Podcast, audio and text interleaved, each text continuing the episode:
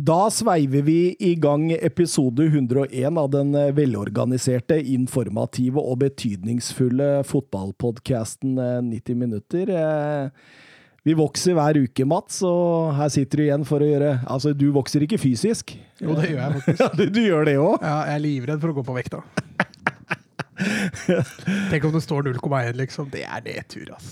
Nei, men eh, Jeg har hele tida hørt at du er ikke ordentlig mann før det står 0,1. Nei, det har ikke jeg hørt. Nei, det, nei, du har ikke det, nei? Nei. Søren er ikke 0,1. 0,1. Han skjønner ikke hva, jeg, hva vi mener. 100 kilo. Å ja, nei, nei, det er jeg ikke. 0,1 tonn er det vi er på jakt etter. her. 0,1? Jeg skjønte 0,1. ingenting, jeg. Det hadde vært bra om han sa jo, jo, jo. jo. Godt over 0,1. Nei, for du er 0,7, kanskje? Ja. Ja, noe sånt. 0,75. 0,0025, sånn. Ikke 0,75, det blir litt Det blir litt mye. Ja, ja, nei, men åssen har vi det i dag? Jeg har det fint. Ehm, godt å få en podkast å komme til nå, altså, for nå er det trått. Altså. Det er jo trått, Nå ja. ja nå. kommer nye nedstenginger og møkk og vas og fjas. Og koronatreninger. Back to basic. Fryktelig slitsomt. Da er det bare å sette seg ned på tegnebrettet igjen. Det satte jeg ikke så stor pris på. Og nå skal de jo faktisk eh, deles inn i grupper på ti i tillegg, i forhold til hva, hva det var forrige gang. Så det er liksom bare for å ta det ekstra! Ja. Så dette, dette er ikke noe moro. Eh, Men samtidig, jeg har det jo greit. Det er jo verst for gutta som spiller fotball. Og det er jo, selv om jeg syns det er fryktelig demotiverende, så er det jo viktig at det prøver å holde det oppe, sånn at de, De blir motivert. de blir, prøver å holde de motiverte som mulig. Det er jo det som er viktigst, egentlig. Nå har vi hatt treningskamper avlyst eh, mot Lillestrøm og mot eh, Nittedal. eh, og så har de fått de to slaga i trynet, og så skal vi presentere koronatrening eh, om et par dager. Det blir hyggelig. Det blir hyggelig. Ja. Det er sånn som motiverer, søren. Ja, skikkelig. Vi kunne jo samles og gjøre noe stas ut der, men det er ikke lov, det heller. Nei, nei, Det er ikke lov, vet du. Nei, nei. Jeg spurte, spurte klubben her om eh, vi kunne låne klubbhuset, fordi jeg ville gå gjennom noen taktiske vrier og, og forklare litt på tegnebrettet, da. Det vi faktisk gjør ute på uh, fotballbanen. Nei, nei, det er ikke mulig. Ikke ennå. Det er ikke det, dessverre. Det er sånn ah, Det er så slitsomt. Det er så slitsomt. Jeg trodde egentlig at vi var over det verste her en periode, altså. Nei, 11. april. Mm. Da er det bare å håpe og sette alle Altså, Da har vi vel passert uh, 17 vaksinerte mennesker, så da bør det vel gå greit, tror jeg. Ja, for vi vaksinerer i en, eh, i en eh, fei, eh, Søren. Ja, jeg så I dag faktisk så jeg litt på, på den vaksineoversikten som i planlagte leveringer hos VG. Uh, var jo litt bekymret med tanke på den AstraZeneca-vaksinen, hva som skjer videre med det. Og så fikk jeg egentlig for meg sjøl litt den gladnyheten at AstraZeneca den utgjør en ganske liten andel av de vaksinene vi venter oss eh, de neste månedene. Og det er i hvert fall bra uavhengig av hva som, eh, hva som skjer med dem, om det viser seg å være farlig eller ikke, at man fortsatt har mange andre vaksiner å basere seg på. Det gir jo litt håp, i hvert fall. Ja, for er ikke den tyske norske har det meste av? Den der Pfizer. Ja, og den har, jo, den har jo faktisk dekket Altså, den har jo levert eh, mer nå første kvartal, og den har da dekket opp for leveringshullene til AstraZeneca.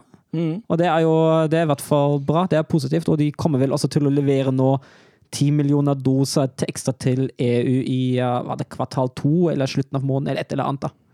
Så det Vi må er til positivt. Tyskland for å få orden på dette, Mats. Det må ofte det. Ja, ja. Tysk eh, jerndisiplin. Jeg tror ikke du, Hvis du spør tyskerne om hvordan vaksineringa går deg, da er det ikke har like Må har vaksinert flere enn 700, nei, 700 000. Ja, men uh, prosentualt ligger de bak Norge, faktisk. Ja, det er ja. Men det, det Nei, jeg har ikke Altså, jeg, jeg har hørt om land som har vaksinert alle nå, sånn omtrent snart. Bare Israel, som var jo Nei, det Og vi sitter her, da, som nisser. Eh, Stoler på EU. Eh, gidder ikke å bruke de millioner av dollars vi har, som vi bare kunne lessa på disse farmasøytene for å få disse, disse vaksinene Litt fortere. I, litt fortere i havn. Men nei da, nei da. Vi skal sitte og gnuge og vente på EU, og så skal vi stelle oss i kø. Og, i, og Sånn som normale folk. Ja, det er Ja, men har du dineros Korrupsjon! Korrupsjon! Har du dineros, så må du bruke dem. Det hjelper ikke det, vet du. Hjelper ikke å sitte og gnuge på dem. Lurer på om alle i Holmenkollen er vaksinert, faktisk. Alle vest for, uh, vest for Sinsenkrysset tror jeg er vaksinert. Ja, det er såpass. Ja, Ja. jeg tror det. De leverer til Stovner til slutt, i hvert fall. Det har vi sett. Men det eh, Jeg tenkte vi eh, Altså, fem minutter med koronaprat, det er mer enn nok, tenker jeg lytterne våre syns. Ja, hvis ikke så kan vi ta det opp igjen på slutten. Vi, vi, vi, skal vi ta noen koronakvarteret på slutten? vi hisser opp Søren litt og sånn, Så Nei, at han bli, bli, bli ikke i sopp, og jeg hater ingen. Nei, nei, men eh, Jo, Karl, det fant vi ut sist at du gjør, faktisk. Ja, det er Julian. Nei, han hater du. ja, ja. Det var snakk om at Ja, jeg du, du mislikte benekta ham. ikke? Du Jeg benekta ikke? misliker ham, det er ikke noe jeg har. Men kanskje du hater meg snart, fordi nå skal vi gjennom ti spørsmål, og eh, det er, gru- de er grufulle i dag. Uff da. Em, så da setter vi i gang fanfæren for ti spørsmål. Har du den, Mats? Du, du, du, du, pup, du. Og vi begynner med en oppvarmingsrunde. Begge dere plukra, proklamerer dere jo som Barcelona-fans. Så da kan man like godt eh, kjøre oppvarminga med fokus på Fa- Faller min er skyhøy her, da. Søren. Du er storfavoritt i oppvarminga her. Begge sier dere er Barca-fans, så da, da, da kjører vi. Eh, Søren. Eh, når flytta Barcelona inn på Camp Nou? Vil du ha et nøyaktig årstall? Årstall, ja.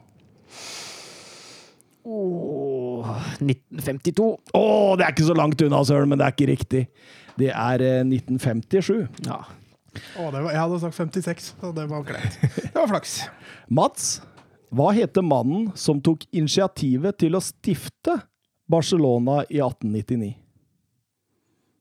Det, det er sånn Er det, må- er det Gamper? Jeg må bare si det. Ja da, ja da, ja da! Det er det. Eh, Hans Gamper, en uh, sveitsisk type som har starta litt fotballag i Sveits også. Men eh, i Catalonia så het han Joan Gamper.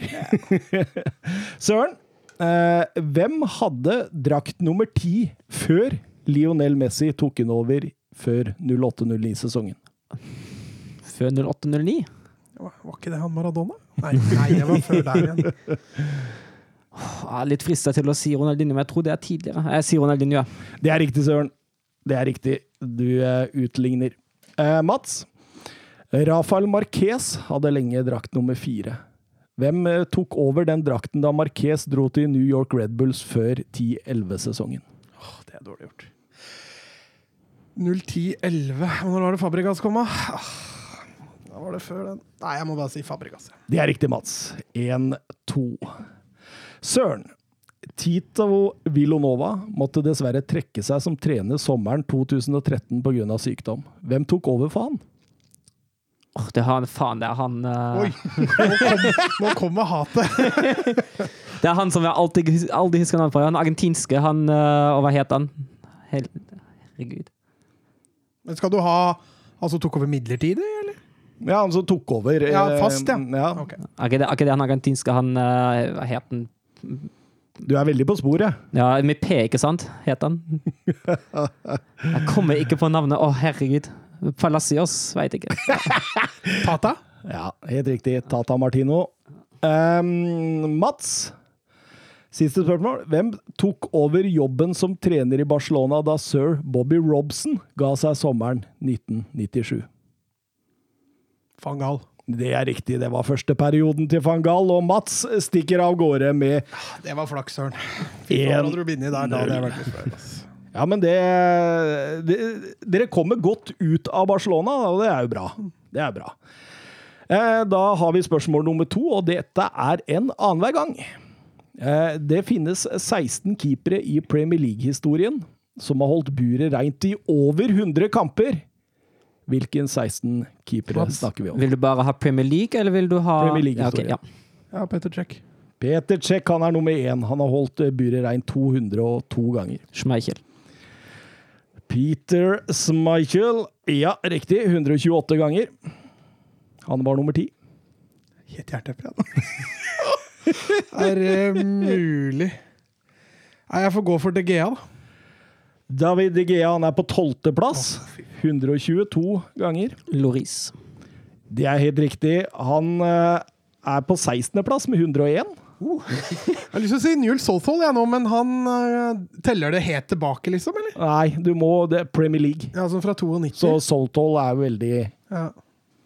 ja, han er jo før den tida. Uh, seriøst, ass. At det går an. Hvem var det som var keeper? Jens Lehmann? Nei, det er ikke han, vet du. City, Arsenal Liverpool, Lehmann, Liverpool. Reina. Pepe Reina. Åh, nummer seks. 136 clean sheet. Joe Hart.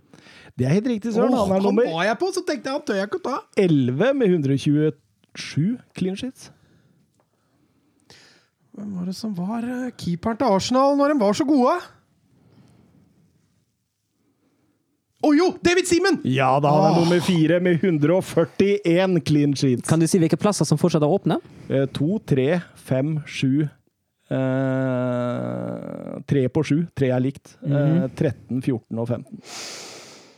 Oh. nå begynner det å Å røyne. Nå begynner det å røyne. Åh, hvor mange ganger har han Schwarzer? Det er riktig, Søren. Han er nummer tre. Fy med fader, det er sterkt, ass! 151. Ja, han var nummer tre. Spilt i en Han tenkte jeg ikke på. Tenk de som har vært lenge. Ja, ja, jeg er jo på et par stykker, da, men det, jeg tror ikke altså, Nei, det nei, den var fin. eh. Kasper Schmeichel Nei, jeg kan ikke ta han. Uh, Ian Walker! Det er feil, Mats. Det er Tim feil. Flowers også var jeg på, skjønner du. Men det. Det er ikke Han som var nummer to, var David James, som dere ikke tok. Ja. Dere tok eh, heller ikke Nigel Martin, eh, Edwin van der Sar, eh, Team Howard, Brad Friedel, Shay Given, UC Escoline og Thomas Sørensen. Så det er ikke så gærent det dere kjører på her, men det, det blei 1-1. Og nå skal vi til en såkalt storytell. Vår spiller er født 5.2.1975 i Rotterdam av foreldrene Victor og Francier. Han startet med organisert fotball som seksåring og havnet i akademiet til Feinor allerede året etter. I 1990, etter åtte år på akademiet, fikk han proffkontrakt som 15-åring. Han var med på å vinne juniorserien med Feinor i 1991, men slet med å ta steget opp blant de store gutta. Derfor ble han sendt på lån til RKC Valsjeik, hvor han fikk sin Eres-divisjon-debut som 18-åring.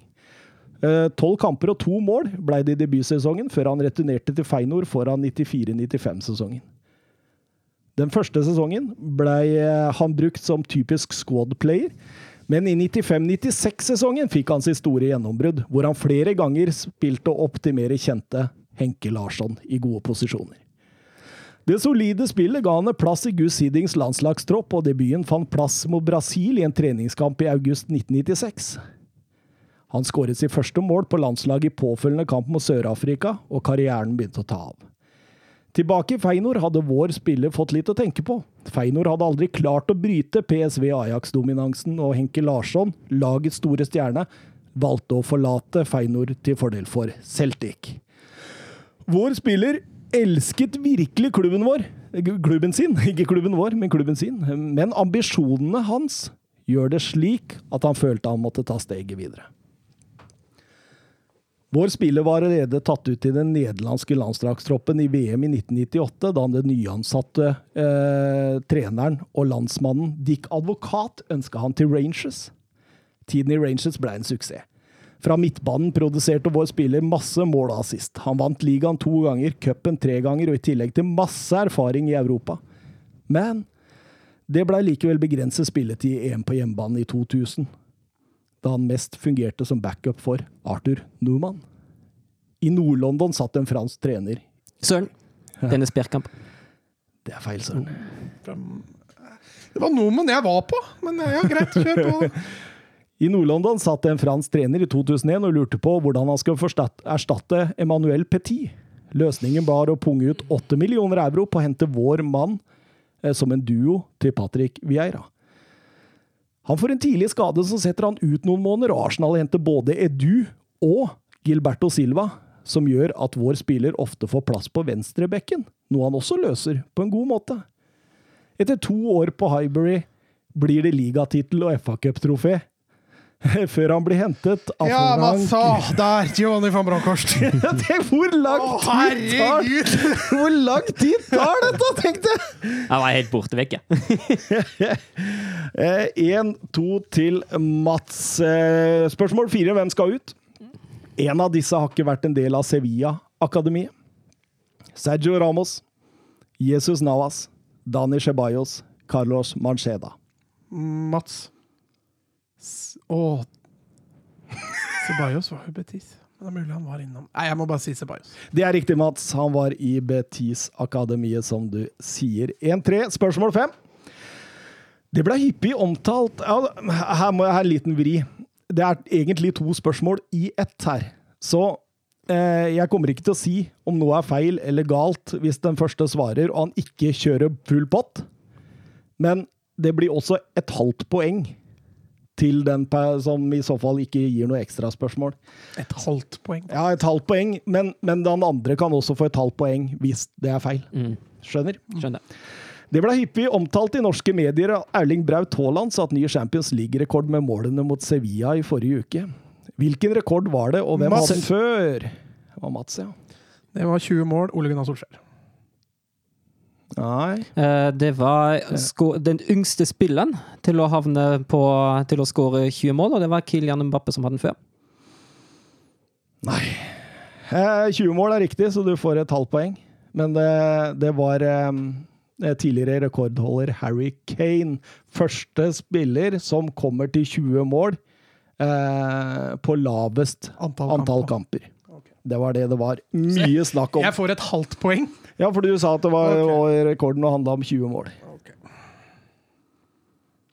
Eh, spørsmål nummer seks. Hvilken klubb? Klubben ble stiftet eh, 28.9.1893 av Antonio Almeida. En lokal vinprodusent som hadde blitt fascinert av spillet etter hans handelsturer til England. Klubben spilte den første kampen som noen gang var spilt på landets jord et halvt år senere, en begivenhet som tiltrakk kongelig besøk. Vinprodusenten hadde nok med business og familieliv, så det var en tid klubben ble inaktiv rundt hundreårsskiftet, men i 1906 ble klubben restartet av en mann med navn José Monteiro de Costa, som i likhet med Almeida var blitt voldsomt eh, fascinert av spillet i sin tid i England. Almeida og da Costa skulle bygge en superklubb bestående av mange idretter, hvor fotball skulle være flaggskipet.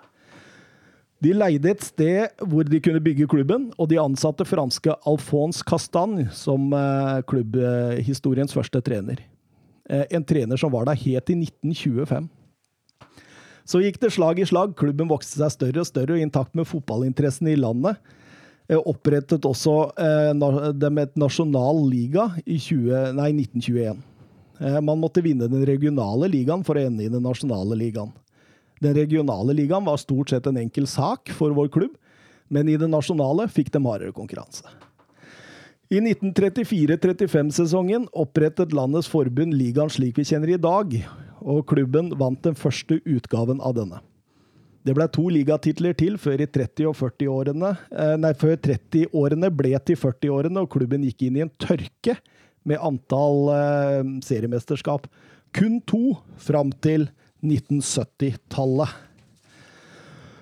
Etter noen magre år eh, bestemmer klubben seg å ansette klubblegenden José Maria Pedroto som trener for andre gang i 1976. Han vinner to strake titler og gjør det sterkt i Europa. Men eh, mange fans ser på dette som en slags revolusjon i klubben.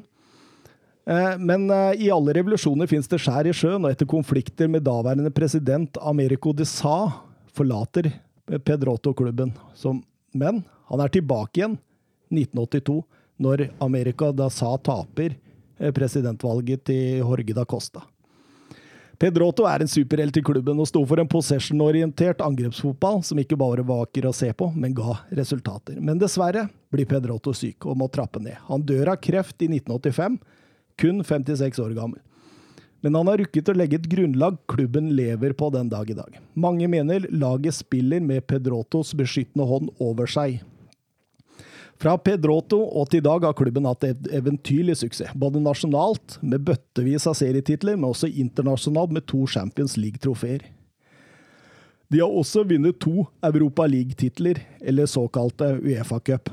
Det var litt sånn delt der, mellom Europa League-start, ikke sant? Ja, faen, nå er jeg spent, ass.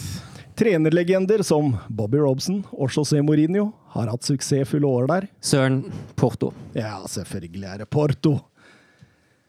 Det er Porto! Jeg var i Spania lenge der, ass. Så tenkte jeg det kan jo ikke være noe spansk. ja, men det var det jeg håpa, at dere skulle være litt der. Eh, skal vi se. Spørsmål nummer sju. Hvilken spiller, og jeg leser det i kronologisk rekkefølge Altså klubbene. Estoril Portugal. Manchester City. Darlington på lån. Bury på lån. Falkirk på lån. Cardiff på lån. Coventry på lån. Nuts County. Leeds og Leicester.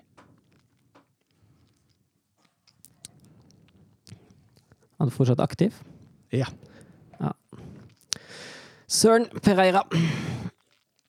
Det er feil, Søren. Det er feil. Siden første klubben. Estoril. Ja, Portugal. En portugiser på Leicester. Ayose Perez kommer jo fra Newcastle. Han er jo ikke portugiser engang. Ienacho. Ienacho!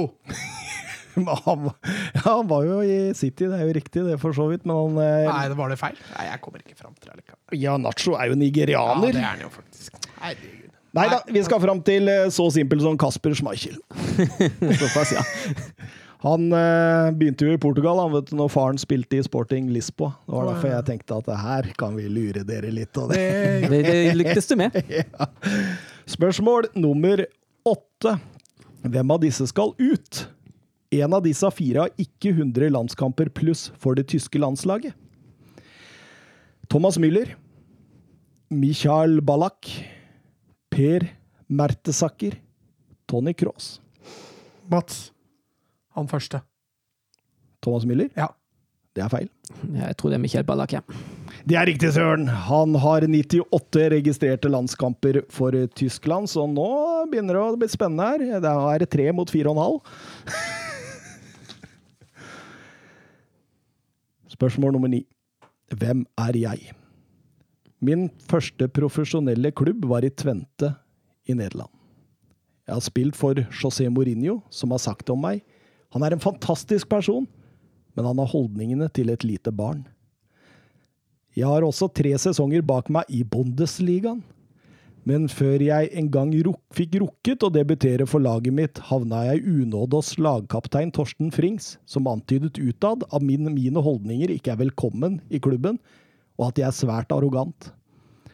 Jeg innrømmet også i et intervju i 2013 at jeg ikke var Guds beste barn, eh, men etter at jeg ble far, så forandret det seg. Jeg har spilt med Kevin De Brøne, David Alaba, Marcel Sabitzer, Bojan og Peter Crouch i løpet av mitt fotballiv. Søren Marko Anotovic. Det er riktig, Søren! Oi, oi, oi. Fire, fire og en halv. Det. Her er det jevnt før siste, og siste er en annen hver gang. Oi, oi, oi, oi, oi. Og eh, denne gang skal jeg ha navnene på de ti mestskårende spillere i La Liga som er aktive i La Liga i dag. Søren Messi. Det er riktig, Søren. Han er selvfølgelig nummer én. Ja, da får vi ta Benzema, da, så er vi ferdig med dem. Da er du ferdig med nummer én og to. Jago Aspas. Ja, han er nummer sju. han er nummer sju med 100 112. Eh, Luis Suárez. Han er nummer tre. Så nå har det tatt én, to og tre. Ja, nå begynner det å se litt dårlig ut her, må jeg innrømme allerede. Antoine Griezmann. Ja, han er nummer fire, så da har dere tatt én, to, tre og fire. Og sju. Det var han jeg hadde, vet du. Men hva var det mange sa du det var? Det er ti. De ti mestskårende som er aktive i dag. Og hva har, hvor mange mål har han som har skåra færrest? 74. Og han som har skåret fest, han har 406. Ja, spriket der er ganske stort. Ehm, fader, altså. 74. Den eh, er ikke lett. Da fikk jeg jaggu jerneteppe på. Oi, oi, oi, klokka tikker her nå. Nei, jeg kan jo ta en eh, råsjans da og bare si Joaquin, altså. Det er riktig, han er nummer ni. Åh. Han er nummer ni med 76. Åh. Da har dere fire igjen. Mm -hmm. Nummer eh, fem, nummer seks, nummer åtte og nummer ti.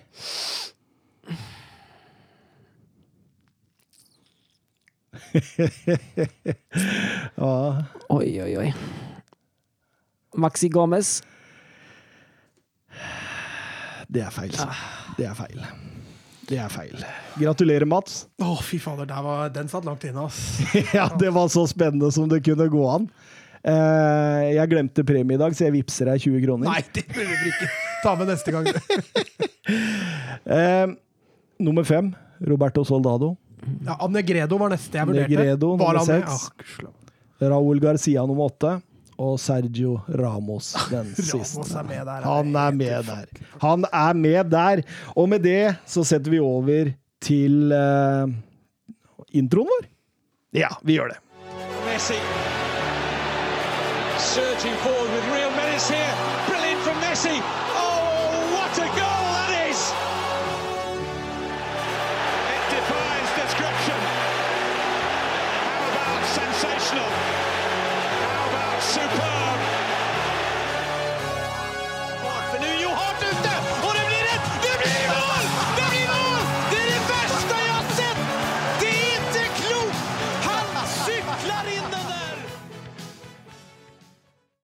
Ja, da var vi eh, ferdig med en eh, eksepsjonell, jevn og spennende runde av ti spørsmål. Eh, nå går vi over til Premier League.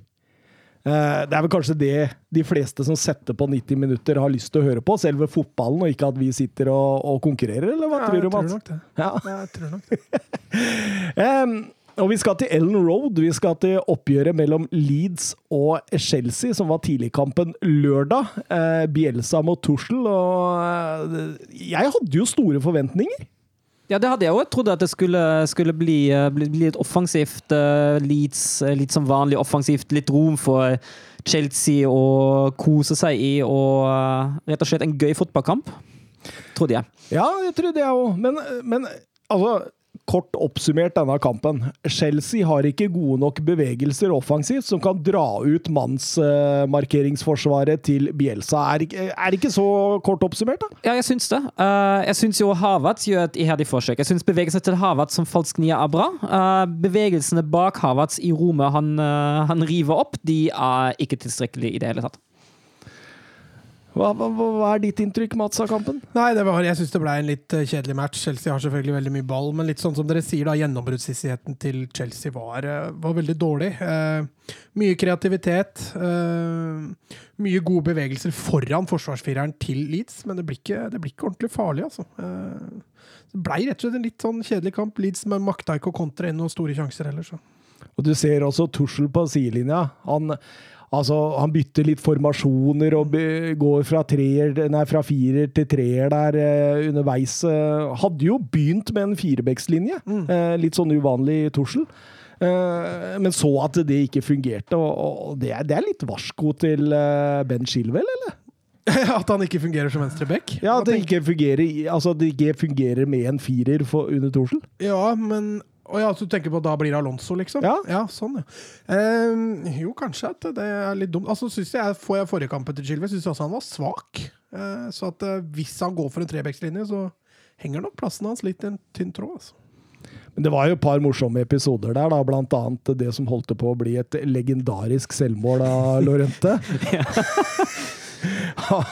Blir truffet, og han går i bue i tverleggeren, liksom. Det, det, det er nær en katastrofe. Og så har du jo den redningen til Mendy. Ja, og den, den er sterk. Eh, Det er, eh, vil jo si, rundens keeperprestasjon i Premier League. Den der. Rundens. Ja, kanskje mer du ikke mer enn det, altså. Ta årets, du, Ja, tror jeg. ja, vi er jo i mars, men årets så langt i hvert fall. Det er jeg helt enig i. Nico CFC på Twitter han eh, spør med tanke på Mendys fantastiske redning mot Leeds. Har han eh, vært Chelseas viktigste signering? Jeg husker når vi hadde den gjennomgangen, så var jeg den mest negative til alle. Bortsett kanskje fra Mendy. Eh, men jeg må jo si det at det har vært skuffende så langt av de nye signeringene. Men jeg, jeg er jo ikke helt kjøpt på Mendy heller, jeg, da. Nei, det det er kommer det. litt tabbe der snart. Ja, det, det har du sagt før. Ja, men da, det kommer jo en tabbe. Da kom det jo en tabbe. Men selv kommet- om det var mest Rudiger sin feil, føler jeg, da. jo, Ja, men det kom han- en tabbe etter det òg. Nei, før det òg. Ja, han hadde, han hadde, hadde noe før, sånn klønete, klønete spill, spill lagde, i boksen. Men, lagde klønete straffe. ja, men, altså, men i det store og hele syns jeg jo han, ah, han, har gjort, han har gjort det greit, jeg. jeg syns det. Eh, hvis du ser hele sesongen sett under, altså Som keeper selvfølgelig kommer det tabber underveis, men jeg syns i det store og hele er det en upgrade keep, eh, Chelsea har skaffet seg på keeperplassen. Men Kepa han gjorde jo ikke en redning, så nå har de i hvert fall fått en keeper. Ja, som tar litt skudd, ja. Ja, Det er en fordel eh, hvis du skal kjempe om ligagull. Det er jeg helt enig i. Eh, Når det gjelder de andre signeringene, jeg vet ikke, kan vi kalle det flopper ennå? Har ikke vært der et år engang. Nei, jeg vil ikke kalle dem flopper i det hele tatt. Jeg har stor tro på flere av dem. Ja, men eh, Jørn Henland eh, spør på Twitter eh, har dere tro på at alle Chelsea sine nysigneringer før denne sesongen også er der neste sesong? Eller vil det bli salg, eventuelt utlån? Ja, Thiago Silvas kontrakt går vel ut etter sesongen. Ja, men han får ny, tror jeg. Du tror det? Ja. ja. Eh, ellers er jo uh, Malang Sarr er jo en vi ikke har sett i Chelsea-drakter ennå, med tanke på at han har blitt uh, lånt ut. Uh, Chilwell kan de jo eventuelt spøke litt for hvis uh, Toril kjører på med en, uh, kjører på med en fembackslinje og Chilwell ikke får plassen sin. Absolutt, fordi Chilwell er en spiller som bør spille, og som vil spille. Uh, Han krever å spille, altså. Så, og hvis dette her blir en eh, 3-4-3 over tid, og at Alonso tar den plassen, så kommer han til å kreve, og da, da kan vi fort få et salg eh, i sommer. ja, det er akkurat det det er jeg ingen tenker. tvil om. Ja. Og når det gjelder Havertz, Werner og Siech, har jeg egentlig tro på at det fortsatt eh, kan bli gode Chelsea-karriere der. Jeg tror ikke de går med det første, Mats. Nei, tror ikke jeg heller. Um, jeg tror ikke det blir nå til sommeren, i hvert fall. Uh, Havertz, Siech er fortsatt unge. Er Werner er ikke gammel han heller, så dette, her har de tid. De må bare bruke tid. Eh, Vi går over til Craven Cottage, hvor eh, Fulham eh, møtte Manchester City. Og det var et City i 3-4-3 eh, og hvilte halve laget sitt, søren. Ja, og for dem, de må jo de må ha gleda seg litt. De dro til, til Enfield forrige helg og møtte Liverpools jeg vil nesten kalle det for C-lag, da. Eh, og så møter de nå, kom, får de besøk av Manchester City og ser at det står et B-lag eh, på andre sida der òg.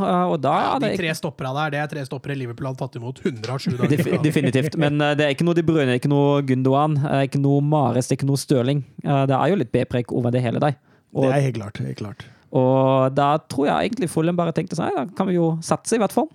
Og det gjorde dem bra, eller, Mats? Ja, det var mye entusiasme i det Fulham-laget. Åpenbart at de fikk litt selvtillit etter turen på Anfield. De eh, står ganske høyt uh, når de har mulighet til det, og så kontrer de hver gang de har mulighet til det. Og jeg syns uh, det var nok en jevnere førsteomgang enn det Pep Guardiola og City ville ha det til, tror jeg. Så ser, du ser veldig godt da, at de, de, de slipper, altså uten kontringsspillere av Stirling og Mares, uten en De Brøne der, så, så, så er det noen hensyn som de bare kan legge vekk, og, og, og satse litt på egen hest. Og, og i første omgang, altså, det hadde ikke vært noe å si på om eh, Fulham hadde fått uttelling. Nei, nei. Og Lukme nå er jo fortsatt Han var ganske aktiv mot Liverpool. Er også aktiv nå, dessverre. Litt sånn som mange andre vi har prata om. Det er ikke noe sluttprodukt der. Eh, litt for sjelden. Vinicius inni Aki Williams. Det eh, er, eh, vi snakker litt den klassen der, men han er jo et uromoment. da, og, og City må jo ta høyde for at han truer bakrommet. Er, han er skummel én mot én. Men uh, litt mer sluttprodukt hos Luckman, så kunne nok den første gangen sett bedre ut for Fulham. Så går vi til pause, og så kommer City ut, og så er det et kvarter og farvel. Ja, og da Fulham gjør seg jo egentlig bort sjøl. Ja, du, har- du har den fryktelige markeringa på, på 1-0 på det frisparket da, og så har du forferdelige balltap. Så det er, det er litt synd for Fulham, men eh, den har tapet de helt på egen hånd. John Stones eh, setter inn eh, 0-1. Det eh, var vel hans 20. mål år? Nei. Nei, fjerde, altså, det. det, det, det som er litt funny, da, det er at han hadde ett mål på de foregående 170 Premier League-kampene, og nå har han fire på de siste ti. Ja. Det, det er ganske greit. Jesus eh, setter 0-2, og, og jeg ble nesten litt småsjokkert når jeg så tall fra Oppda på han. Fordi han har faktisk 73 mål og 22 assist på 114 starter for City Det er ganske bra tall. Det, det, det er så høye tall i forhold til hva jeg tenkte, at jeg ble nesten litt sånn what? Eh, Men han, han har, hvor lenge har han vært her nå? og det er en god del sesonger eh, nå. Altså, han har fått 114 starter. Ja. Mange sesonger? Fem, seks, sju? Ja, fem, maks fem, tror jeg. Det er ikke så mye starter, da. Det er jo et tegn på at du er ikke 100 fast, altså. Nei. Men det er vel kanskje ingen det- som er i pep, pepperuletten. Og i, i hvert fall ikke i, når du var i prime Aguero, og når du var der da. Så, så, så er det jo klart det at Aguero har eh, spist en del av de minuttene. Og det er jo Aguero også som får lov å, å ta straffesparket på 0-3. Det er Sikkert veldig hyggelig for ham å få sin første scoring for sesongen. Ja, altså første s- s- scoring på lang tid. Altså jeg tror det var 417 dager siden sist han eh, putta det siste målet der. Og, og da, var det jo, altså, da var det jo avgjort. City steppa opp eh, og bare rista av seg Fulham, og så var det, så, så var det egentlig ferdig. Men Men dette er den litt flyten som, som Liverpool hadde i fjor òg.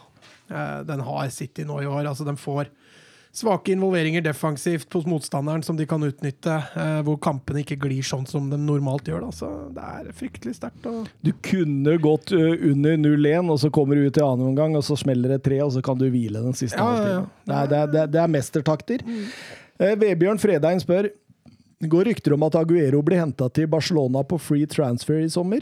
Hvis det skjer, hvor mye tror dere det skyldes Messi? altså, de er jo gode venner. Det er ikke Ja, det kan du som- si dem er. Ingen som lurer på det. Er ikke han uh, gudfaren til sønnen til Aguero, han Messi? Han er egentlig ikke det, tror jeg. Du, du tror det er oppspinn? Ja, altså den der med sønnen til Aguero, Ja, ja. med at uh, Baradona er bestefaren din, Aguero er faren din, og Messi er gudfaren din. Ja, Jeg har lest at det er oppspinn. ja ok. Altså, Maradona er bestefaren, og Aguero Nå faren. begynte jeg å lure om det var Men eh, jeg syns jeg leste at Messi ikke var, eh, var fadderen hans. da. Eh, Kommer fram at det er Duncan Ferguson som er bestefaren hans. og jeg tenkte jeg både fysisk og elegant. Den blir slitsom å forholde seg til. altså. Eh, Men eh, ja, ville du tatt eh, Aguero til Barcelona? Nei. Ja ja. Hvis City tar Braithwaite, så tar jeg Aguero. Det, da kan han sitte skada på benken et år, det er like greit. Men eh, altså, Aguero, 33 år. Blir vel 34 i år, tror jeg. Uh, skal sikkert ha en god slump penger, han også. Uh, fryktelig skadeutsatt. Uh, er jo absolutt på vei ned. Karrieremessig. Det blir jo som å bytte ut Suárez, liksom, med en ny Suárez. Jeg ser ikke Nei, jeg håper ikke det skjer. Og sju kamper i sesongen fordi han har skada resten. Ja, ett mål. Manchester City Ritik på Twitter spør eh, burde Manchester City gi Aguero ny kontrakt, eller burde de gå videre til en Haaland og Gabriel Jesus? Ja, jeg tenker jo da er det på tide å ta et spissbytte i City. Jeg har sagt det før at jeg mener at, at eh, Jesus ikke er god nok til å kunne starte for et lag som jakter Champions League og Premier League-gull. Eh, Og da tenker jeg egentlig best for City å faktisk satse på Erling Braut Haaland. Er du enig, eller, Mats? Ja, nei, jeg syns Altså, Aguero er ferdig. Um, han er i hvert fall på vei ned. Ja. Sånn at, uh, at City skal gi han et veldedighetsår, det, jeg ser ikke noe grunn til det, altså. Eh, Veldedighetsår. Nei, nei. Han er jo en, eh, han er jo en stor, stor personlighet til Manchester City. Det, jo, Ja, ja. det ville jo ikke vært første lag som liksom på en måte gir en ekstra bonusår. Ja, det Nei da, han hadde jo kanskje fortjent det, men jeg tror ikke han preger City til neste år. Uansett om han blir eller Hvis han ikke blir, så gjør han nok ikke det, men ja. Ja. Nei, nei. Vi går over til hovedkampen vår. Den har jeg sittet og grua meg til i lange tider. At vi skal orke å prate den der kampen der nå. Eh, Så dere får unnskylde meg hvis jeg blir litt hissig. Det er lov, det. Eh, det- Det er lov å ha emosjoner når man heier på sitt lag. Altså. Ja, Det det- syns jeg bare er positivt. Men vi prøver. Eh, Vi prøver å manne oss opp her. Eh, Det var det 202. Nord-London-derby eh, siden første oppgjør i 1909. Eller det vil si, første oppgjør var egentlig 1896.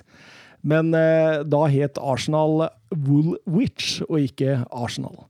Eh, jevnt i nyere tid, eh, de siste 24 har endt åtte Arsenal-seiere, ni Tottenham-seiere og sju uavgjort. Eh, tilsvarende sist sesong, 2-2. Var den kampen Tottenham leda 2-0. Og motsatte oppgjør denne sesongen var 2-1 til Tottenham, da Alder Weireld ble matchvinner ti minutter før slutt. Har vi noen bemerkninger om lagoppstillingene? Eh, Ødegaard eh, starter for Arsenal, det kan jo sies. Smith Rowe ut på venstre og Saka ut på høyre. Ja, for det var en Aubameyang som eh, kom Ja. for seint til spillemøtet, og Og- fikk benken av Teta med en gang. Ja, og da blir det Lacassette på topp. Ja, når det gjelder Tottenham, så må jeg si jeg var litt overraska at han klinte til med Altså, med tanke på kampen Tottenham hadde forrige uke, så var det kanskje ikke så overraskende. med at han skulle kjøre Bale, Son, Kane, Lucas Mora mot Arsenal, litt overraska over det. Og, og, og med Ndombele Ja, i, i en av dem. Så da tenkte jeg her skal vi kjøre offensivt! Dette blir gøy! Tenkte jeg. De neste ti minuttene avslører om Thomas fikk rett der, altså. Ja, for når ballen sparkes i gang, så ser du et Tottenham-lag som bare legger seg bakover og skal vente på kontringen, og et Arsenal-lag som bare spiller og spiller og spiller av Tottenham dypere og dypere. Ja, hadde vel 72% possession de første tolv minuttene. Arsenal. Uh, Ja, det sier vel sitt. jeg er helt enig. Jeg syns aggressiviteten hos Tottenham var den var skuffende lav. Eh, De tør ikke å stå høyt. Hvis de presser, så er det ofte én og én. Og det er lett for Arsenal å holde ballen i laget når det er sånn. Altså. Selv om Tottenham selvfølgelig snører jo igjen boksen sin. Så Du- nei, Det var skuffende start at ikke Tottenham gikk litt sånn Altså, det er et derby, liksom. Ja, og du gir jo altså Jeg snakka litt om det at uh, Fulham slapp å ta noen hensyn når de møtte Manchester City B. Her, Arsenal òg slipper jo nesten å ta hensyn. Det eneste de kan gjøre, det er å, altså at de faller riktig på son. Det var det eneste på en måte som var nødvendig, men de ballene kom jo nesten aldri òg, og så blir jo Son skada. Ja, når det, når det, det var vel den første ballen som kom òg. Ja, da får han en strekk der, og da tenkte jeg at nå må vi i hvert fall legge helt om, for vi kan jo ikke fortsette å, å kjøre kontringer uten kontringsspiller nummer én. Men det gjorde han ikke. Det gjorde han ikke, nei. Det var samme mølle og det var egentlig, var egentlig veldig synd å se. Eh, jeg skjønner godt at du ble frustrert, Thomas. Det, Men det var litt avgjørende, han som kom inn for Son, da. Han var jo bra. Han var jo for, for all del bra, men, eh, men altså Taktikkmessig så blir det jo en annen kamp når du setter inn Erik Lamela, som elsker å ha ball i beina, kontra en som elsker å løpe i bakrom. Men sånn som når, sånn etterpåklokskapen Jeg er evig glad for at han satte inn Lamela istedenfor Deli Alli, for da hadde vi ikke fått det målet. Nei, for det var jo et mål for historien. Ja. Det var det. Men eh, Sander Midtstuen på Twitter spør først eh, hva tenker dere om inngangen Mo- Mourinho har til Arsenal. Og, én ting jeg tenker på da, etter kampen, så er han veldig opptatt av at vi spilte en dårlig første omgang. Og han er veldig opptatt av at spillere ikke gjør det han ber dem om å Det gjøre. har han sagt før. Ja, det har han sagt før. Og da, da, da tenker jeg eh, Hva er det vi skal tro på? Skal vi tro på at, eh, at Mourinho sier 'kjør høyt press', og at spillere ikke gjør det? Eller skal vi tro på at uh, han eh, parkerer bussen? Og, og, og jeg, jeg tror det siste. Ja, jeg tror også det siste. Altså det, altså det, man kan godt snakke om at spillerne kanskje tar, tar feil valg, tar feil løp, tar feil rom, men den grunnleggende utretningen om et lag presser høyt eller lavt, altså så feil kan de som spiller ikke ta engang. Altså, det, det blir vanskelig, altså. Men, men det er litt spesielt òg, hvis du som manager står etter kampen og sier at spillere ikke gjør som du sier, men du da i garderoben før kampen har sagt noe annet enn altså, Da mister du jo da, men troverdighet. da må du miste all troverdighet i garderoben, da. Nei, Jeg syns det der, der begynner å se veldig rart ut. Altså. Og hver gang det begynner å se rart ut, så får man en opptur som gjør at du glemmer det litt. Og så kommer en opptur med tre-fire bra kamper, og så kommer disse kampene igjen hvor du lurer hva i alle dager er det som er planen her? Hva er det som Altså, dette er så grunnleggende feil i forhold til hvordan vi skulle møtt Arsenal. Fordi Arsenal er et lag som de får nærmest panikk når de blir pressa høyt. Sjekk Sjaka hva han gjorde i forrige kamp mot Burnley. Han, og, og, og sånn går igjen i Arsenal. Personlig feil, personlig feil, personlig feil. Men det går jo ikke an å gjøre én personlig feil. Når du har tre kvarter til Ja. neste press kommer, ja. Ja, ja. Så jeg, jeg fatter ikke Ser Mourinho noe helt annet enn alle andre, eller hva? Nå nå skjønner jeg ingenting her. Nei, jeg skal ikke ta deg på det. Nei, Jeg er ikke enig med Mourinho, så Nei, jeg mangler faktisk ord.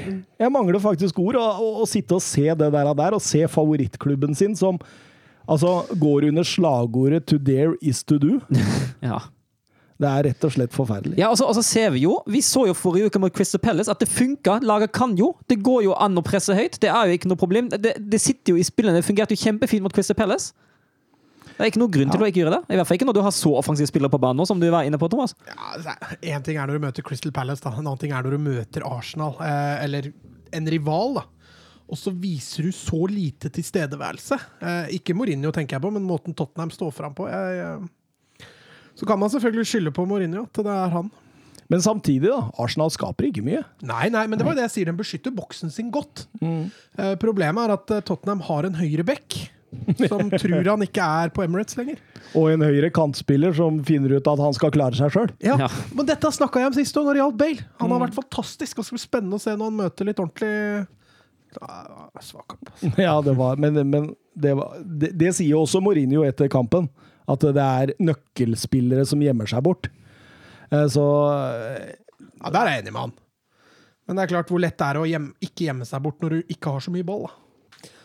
Og Kane eh, Så jeg skjønner jo egentlig Mourinho litt òg, når han er, er litt misfornøyd med akkurat det. For mangler du de offensive spillerne dine, så da blir det jo vanskelig. da. Det gjør det. Um, Lamela kommer inn for Son. Uh, Lacassette får en sjanse der som han setter utafor, og så kommer jo kanskje et av Premier League-historiens fineste mål. Ja, så har vi jo en, eh, en, et skudd i tverrliggeren også av Smith Rowe, som vi kan eh, nevne først. Ja, det, det, det var tidligere, det. For Ja, det var, det var rett- 15 minutter. Han Prøver å spole gjennom den overkampen her, han skjønner du. Rett, eh, rett før sånn må ut. Det er jo en nydelig avslutning, det òg. Og centimeter unna ny scoring. Men den, eh, den skåringa der, den er magisk. Det er ren magi av Erik oh, ja, Lamela. på Lamela. Jeg trodde du var på Ødegård! Ja. Var den så bra? Nei, for, har du glemt Lamela-skåringen, Mats? Ja, vi snakka litt. Jeg tenkte vi var ferdig med det. Nei, er. Den er vi ikke ferdig Nei, vi må dvele litt Den med må vi dvele litt Ja, med, fordi Bare tanken på å gjøre noe sånt der sånn ja. det er galskap, egentlig. At du, og, og utførelsen, og, og at han passerer mellom beina på, på party der. Det, det er så sylfrekt, og det er, det er så Erik Lamela å gjøre òg. Det, det, er- veldig få spillere som faktisk gjør sånne ting. Og, og når det da lykkes, så er det jo helt fantastisk. Også. ja, det er en scoring for evigheten. Når du i tillegg gjør det mot erkerivalen, så blir nok den scoringen huska litt ekstra lenger. Ja, altså, du kommer til å huske den kanskje resten av livet? Fordi det er sånne mål som du husker resten av livet, Søren? Ja, de kommer, de kommer jo til å komme på repeat gang på gang på gang For hver eneste North London Derby. Kommer det til å komme tilbakeblikk på den skåringa der. Og det har opplevd den eh, live, altså ikke på stadion, men å sett den live, det er jo ekstra kult. Ja, og nå er det dessverre ikke så mange av dem som har gjort det. Nei. Dessverre, fordi det er fortsatt ikke publikum på stadion. Selv om det høres sånn ut, da. Men, men ehm, så uh, slår jo Arsenal tilbake. Kommer uh, litt uh, inn i det igjen. Fordi jeg syns jo under denne perioden der hvor Lamela skårer, så er det den beste perioden Tottenham har i første omgang. Og da er de jo hakket bedre enn Arsenal, faktisk, og får lov å låne litt ball og sånn. Ja, jeg syns de, de ti minuttene mellom sånn 25 og 35, Ja, jeg er helt enig. Da kommer Tottenham seg litt bedre inn. Og da tenker man jo egentlig det kan slå litt om. At Tottenham faktisk kommer seg bedre inn og blir bedre i kampen, men nei. Nei, det gjør jo ikke det, for Suárez klinker den i stolpen eh, etter 36 minutter der, og, og, og Arsenal eh, kjører jo på videre som, som aldri før. Og, og at eh, Martin Ødegaard setter 1-1 der før pause, det er jo ikke Og det måtte jo komme via venstresida. Det måtte jo det. Det var jo ikke noe annet valg. Det Bale og Doherty driver med der på, på venstre mot Smith Rowe og Tieni, det kunne ikke holde i lengden. Og da er det Tieni som legger inn. og Ødegaard eh, står ganske alene i rommet mellom eh, 16-meteren og boksen eh, og, og målet. Eh, Og så blir han hylla så ufattelig mye. Eh, Og så ser du det at eh, hvis han ikke hadde gått via Aldeverell, så hadde altså, Loris hadde stått og venta på han. ja. Og så, og så blir Ødegaard hylla så enormt. Han sto jo og trente på dette, sa han jo. Ja, og det er litt morsomt at han sto og trente på å, å, å sende den Og i pol morsomt. til keeperen. Ja, men, ja, men jeg, jeg, jeg tenkte meg Ja, Det er litt morsomt. Ja, men Det er litt morsomt at du står og sier etterpå, på et skudd som egentlig er ganske svakt, at eh, jeg har stått og trent på det, så det var deilig at han satt. Og så går han via stopperen og Nei. Nei. Jeg klarer ikke helt å, å, å hylle det voldsomt, men, eh, men at han var god, det syns jeg. Jeg syns han var eh, meget god. Ja, jeg syns også det. Altså, jeg, liker, jeg likte de, altså de bevegelsene hans, at han eh, lot seg falle litt dypere i banen og kunne fordele ballen litt dypere da på høyresiden der. Jeg syns det var veldig vellykka. Jeg syns han var trygg i pasningsspillet, og han hadde noen eh, veldig gode og farlige pasninger òg. Det jeg liker det, ser Ødegaard nå, er at han tar litt løp inn i boksen. Han står liksom ikke ute og venter hele tida, sånn som han eh, har hatt en tendens til å gjøre. Nå er det liksom litt løp inn i boks. Så at vi får noen flere mål av Ødegaard framover, det, det har jeg troa på. Oss. Han er den fjerde Arsenal-spilleren som skårer sitt første mål i Premier League i et Nord-London-derby. Fjerde Ja. Arsenal-spilleren. Mm. Mark Overmars, Thierry Henry, Sylvain Viltor og Tony Adams. Hva er nærheten? Eh, Bentner i 2007. Ja, stemmer, det sa du. Mertesacker i 2012 og Lucas Torreira i 2018 er de som skåret sin første Premier League. Ikke langt unna. Nei, du, du, du kjørte på med noen eh, legender Det var i hvert fall Arsenal-spillere, det jeg nevnte. da. Og så går vi til pause med 1-1, og så tenker man jo nå OK, nå Mourinho, nå klarer du å få bytta ut uh, Dorothy med Aurier. Nei. Så klarer du å heve presset ditt litt. Nei. Og så kommer vi ut på i annen omgang, og så gjør vi en god annen omgang. Nei. det, er, det er samme tralten. det er jo samme tralten. Det er jo det, det, Altså, jeg syns jo begge laga blir litt avventende, da. I, i, altså, Arsenal kjører ikke på så mye, selv om, eh, selv om Tottenham eh, ikke viser seg fram. Mm. Så det blir litt sånn Ja, litt, litt sånn, sånn stillingskrig. Ja, det er litt sånn, sånn derby. Altså, Ja. Nå er du litt mer redd for å ta risk. Da. Det ser du Arsenal også. Det, det preger kampen litt, for det blir, det blir litt mer stillestående fotball offensivt. Jeg er ikke villig til å ta de sjansene. Og ja, det er klart, Med den mentaliteten Tottenham spilte med, så var det jo de som tjente best på det sånn kontra første Mm. Mourinho gjør et bytte, ut med Bale og inn med Suzuko, åpenbart for å støtte Dorothy litt mer. Ja, det var, altså, hvis du først ikke vil ta ut Doherty, er jo det det minste du kan gjøre. Og der reagerer jeg også på at det kommer ganske seint. Altså, det kan du ta i pausen, det òg. Ja, ja, altså jeg, jeg mener jo at han burde tatt ut Aurier Nei, du har tatt ut Dorothy i samme slengen. Ja, det, det kan du Bare godt si. skapt Ja. en ny høyreside. Mm. Uh, men nei, det gjorde den ikke, og mm, du ser jo at Arsenal bevisst går på Dorothy hele veien. Du får nesten litt sånn åh, Ja. Kan du ikke være så snill å ta den ut? Jeg syns så synd på den. Liksom. Du får litt den feelingen. Ja, det er jo, altså, det er, altså, det, er, De vendingene de brygger jo opp via høyresida hele tida, bare for å vende ut på venstre. Det er en statistikk at den som har slått flest langpassinger i hele kampen, er David Louis, og det var 20 stykk. Og av de 20 må jo 18 ha vært vendinger ut mot Tierney Smith Roe. Absolutt. Og så kommer straffesparket. Ja. Skal Ferdig. Så jeg, jeg, jeg satt og tenkte på nå skal jeg orke. Orke å ta det? Jeg orker Bare, gå, bare si det Bare, bare hoppe, hoppe over. bare si det blir 2-1, og så gå videre? Nei, fordi vi har fått noen spørsmål også på Twitter eh, fra Mr. Støvland, som eh, spør Sanchez blokkerer og blir sparket av en som bommer på ball. Tidenes dummeste straffe, eller? Nei, den kom litt seinere. Men ja, du tenker på Barcelona? eh, Han er ikke langt eh, dummere, den der her, syns jeg. Nei Altså. da, men altså, det som Altså, jeg synes, og jeg sa til Søren før vi gikk på her, jeg syns Tottenham er veldig uheldig i den kampen. her. Altså, de får liksom dommeravgjørelsen, De viktige dommeravgjørelsene får dem liksom litt mot seg. Samtidig som det er liksom ah, Ja, det er jo kontakt her, liksom. That's it. Ja, men altså, hvem er det som gjør Altså, at det blir kontakt, ikke sant? Sanchez tar jo ikke ballen, han heller. Han Nei, nei. kaster seg jo inn og sparker. Men han blokkerer jo. Han skal jo blokkere. Jo, og så blir han jo sparka. så Ja, men det, altså, føttene deres møtes jo. Altså, så, så hvem er det som sparker ja, ja, hvem? Det gjør du jo uansett når du takler. Altså Hvis du ikke tar ballen og du takler, så møtes jo føttene. Hvis du skjønner hva jeg mener? Ja, men, Men, men altså, det er vanskelig. Jeg kan ikke sitte der og være seriøs og argumentere. Jeg syns igjen Tottenham er fryktelig uheldig. Og så er det jo sånn da, at du sitter jo da og tenker eh, Ja, men da kan jo VAR gå inn her nå. Men, men det er vel en eller annen protokoll som tilsier har det vært kontakt, så skal det være, eh, skal det være dommerens subjektive mening som gjør at VAR skal gå inn. Jeg hørte også det var det om Barcelona. At VAR ikke kunne gå inn pga. at det er en protokoll. Det syns høres ufattelig teit ut. Ja, det- det gjør jo det. Det er altså Da er det jo noen som eh, Altså, jeg mener kontakt. Fotball er en kontaktsport, det fins kontakt, men kontakt er ikke lik straffespark eller frispark. og Da, da er det en eller annen eh, fjerning som ikke har spilt fotball sjøl, som har lagt en sånn regel, en sånn protokoll, som, eh, som er kjempedustete. Sikkert Edvardsen. Altså, Nei, men ikke, jeg har jo- ikke deg, da.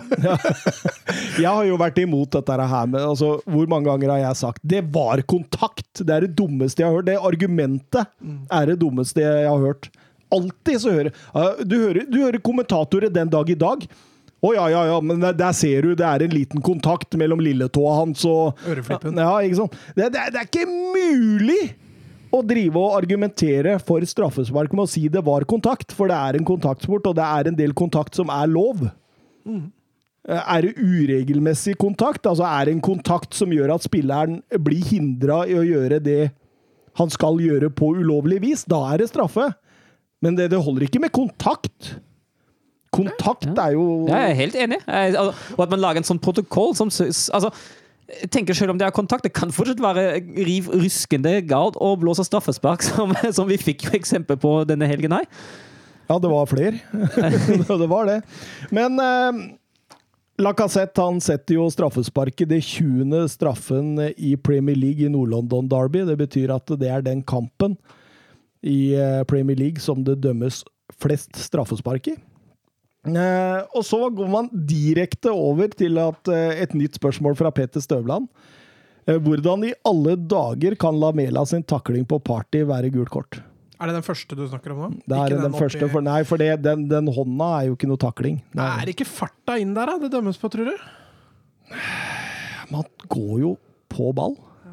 Jo, Man altså, treffer jo bare Det ball, men og så det- det er treffer det han mannen rett etterpå. det er det det Men, eneste argumentet men, jeg altså, det jeg tenker på, da Det er jo sånn, for, for gult kort er jo et slags farefullt spill. Og Det er jo noe advarsel, da. Jo, jo, men samtidig, da. Du får Altså- gult kort for filming òg, hmm? Du får gult kort for filming også. Jo, jo, men i, i, i sånne situasjoner da, så blir jo gult kort veldig Altså, det blir enten så dømmer du eh, frispark på eh, Nei, så dømmer du gult kort for eh, at du er usportslig. Eller så dømmer du det for farefullt spill.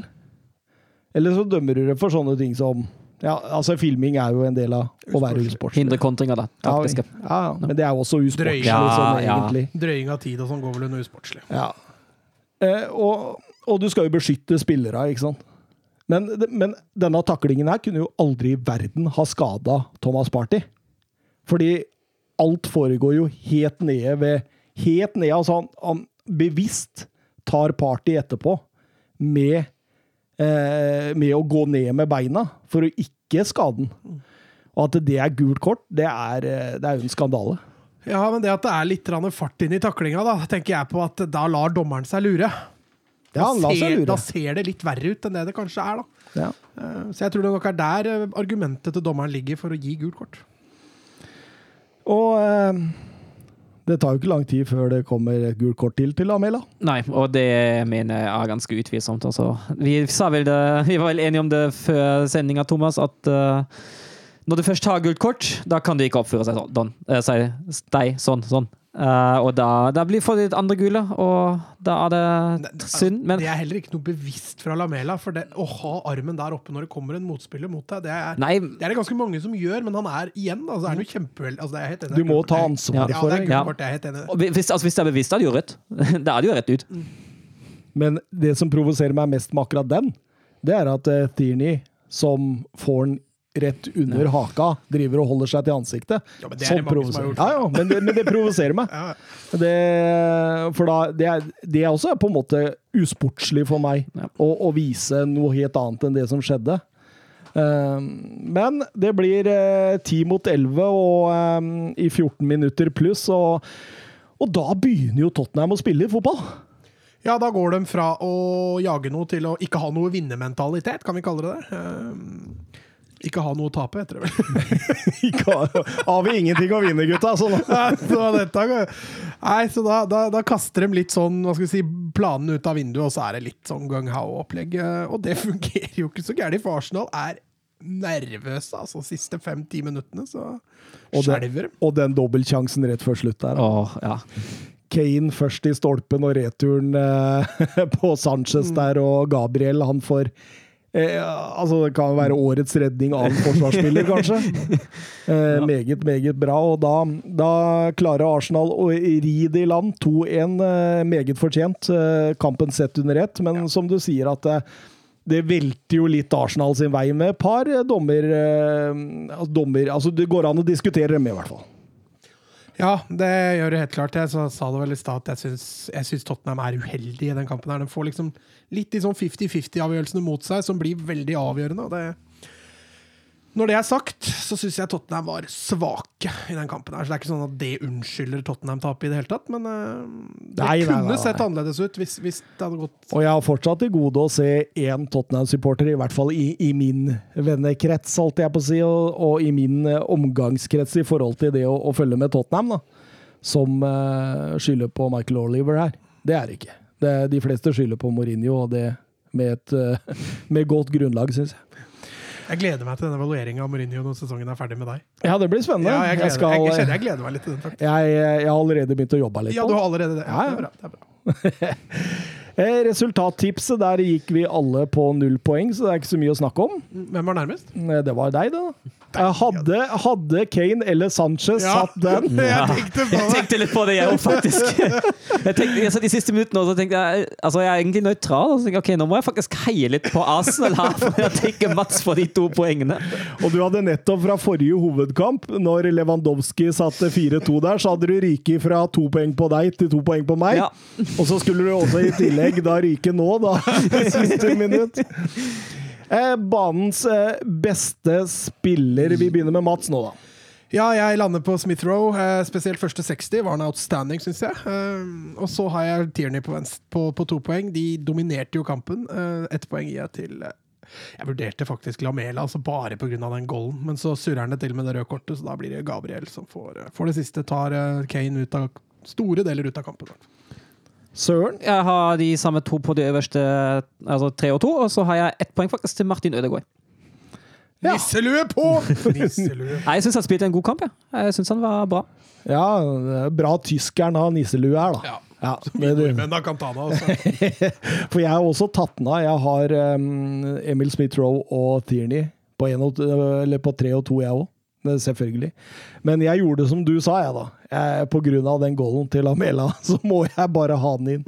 Jeg må Du bare ikke, du hadde ikke klart å lage en sånn liste med tre Arsenal-spillere uansett. Så. Nei, det, så, så, så da var det fint å, å gjemme seg under den goalen. Ja, jeg skjønner.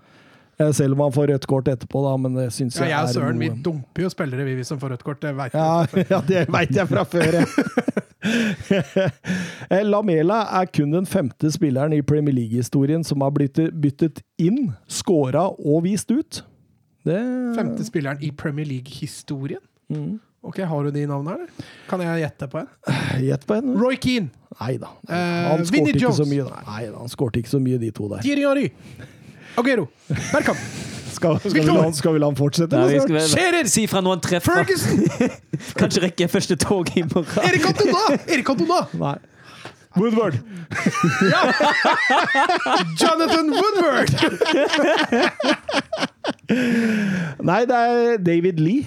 eh, For eh, Chelsea mot Westham i 1993. Det er Bobby Samora for Westham mot Fulham i 2007. Det er Ivan Klasnic for Bolton mot Stoke i 2010.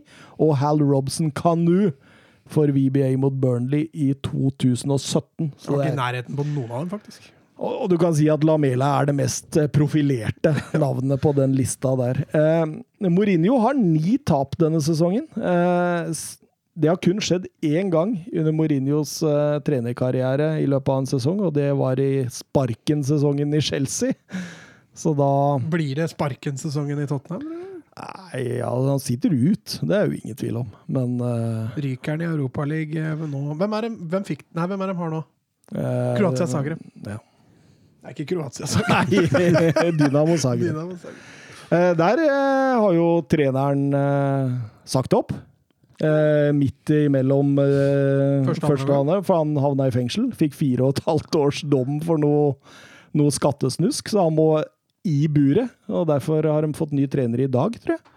Så det, Det er spennende. det blir spennende. Sånn er det der nede.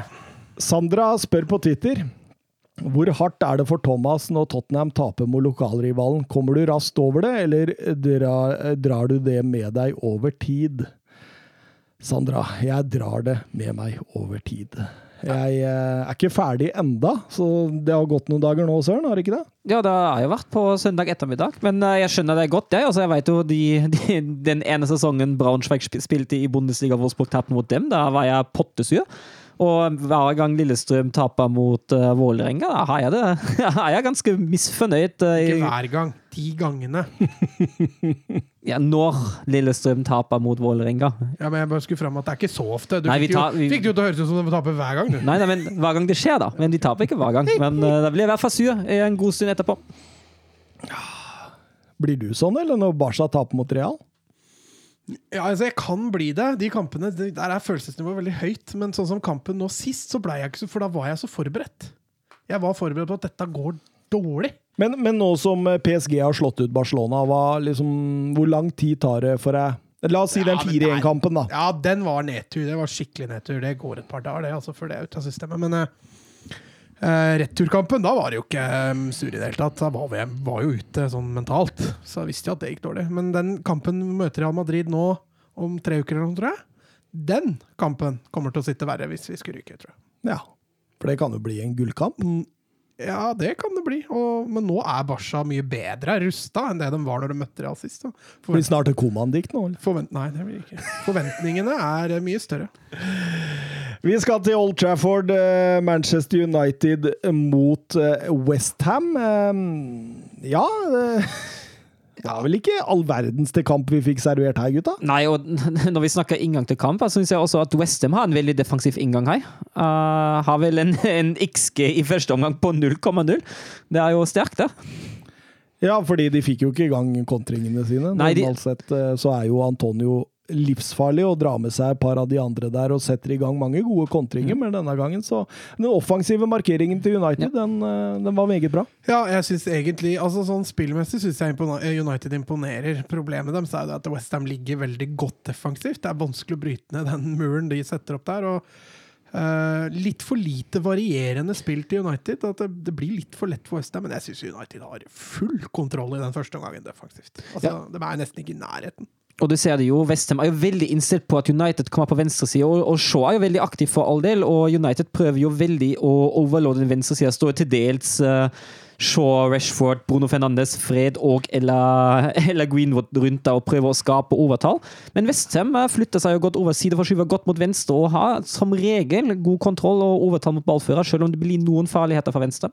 Nei, der ser du hvor kjipt det er å ha han andre på høyresida der. Altså. Du kan ikke kjøre samme der. Han er så talentløs med ball. Vet du, at, Du tenker på Fan Bissaka? Ja, Ja. jeg tenker på han. Ja. Uh, han er jo som var, det ikke rykter nå om at Real Madrid så han som sin nye høyrebekk her? det må de gjerne gjøre for United sin del, tror jeg. Uh, hvis de kan få inn noe bedre der, så ja, det er ikke så mye som skal til det. I hvert fall ikke offensivt.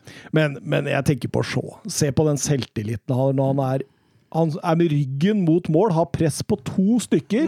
Og bare vender dem bort. Ja. Da, da, da har du så selvtillit når du engang gidder å prøve det der, og der. Og når, når du lykkes, da så er det Og, og jeg syns jo Shaw også, i denne kampen, er banens beste spiller, både offensivt og defensivt. Ja, Og han er jo mer farlig egentlig enn Bruno Fernandes offensivt òg. Ja, altså, han, han har liksom blitt den største positive tingen med Solskjær når det gjelder spillerutvikling. Der har han virkelig fått ut et potensial som jeg tror nesten alle hadde avskrevet. Så der, der skal man ha mye kudos for den jobben som er gjort med, med han. Eh, så det er litt sånn alarmerende det man ser av Bruno Fernandes for tida. Så det er litt sånn dalende, det han driver med. Det er veldig dalende, føler jeg. Og eh, Han får vel en assist, altså. ja, men gjør han det? Jeg tror han var så Nei, vidt borti selvmål, ja. McTominay, og så i Det ble kanskje sjølmål. Ja, ja. Det, det er McTomney som får assisten, tror jeg. Mm. Fordi eh, Craig Dawson han uh, skårer selvmål rett etter pause. Og da Altså, jeg leste en statistikk rett før dette i pausen, tror jeg, om at eh, i alle de 17 kamp, tidligere kampene Westham har kommet under mot Manchester United, så har de tapt. Så da tenkte jeg ja.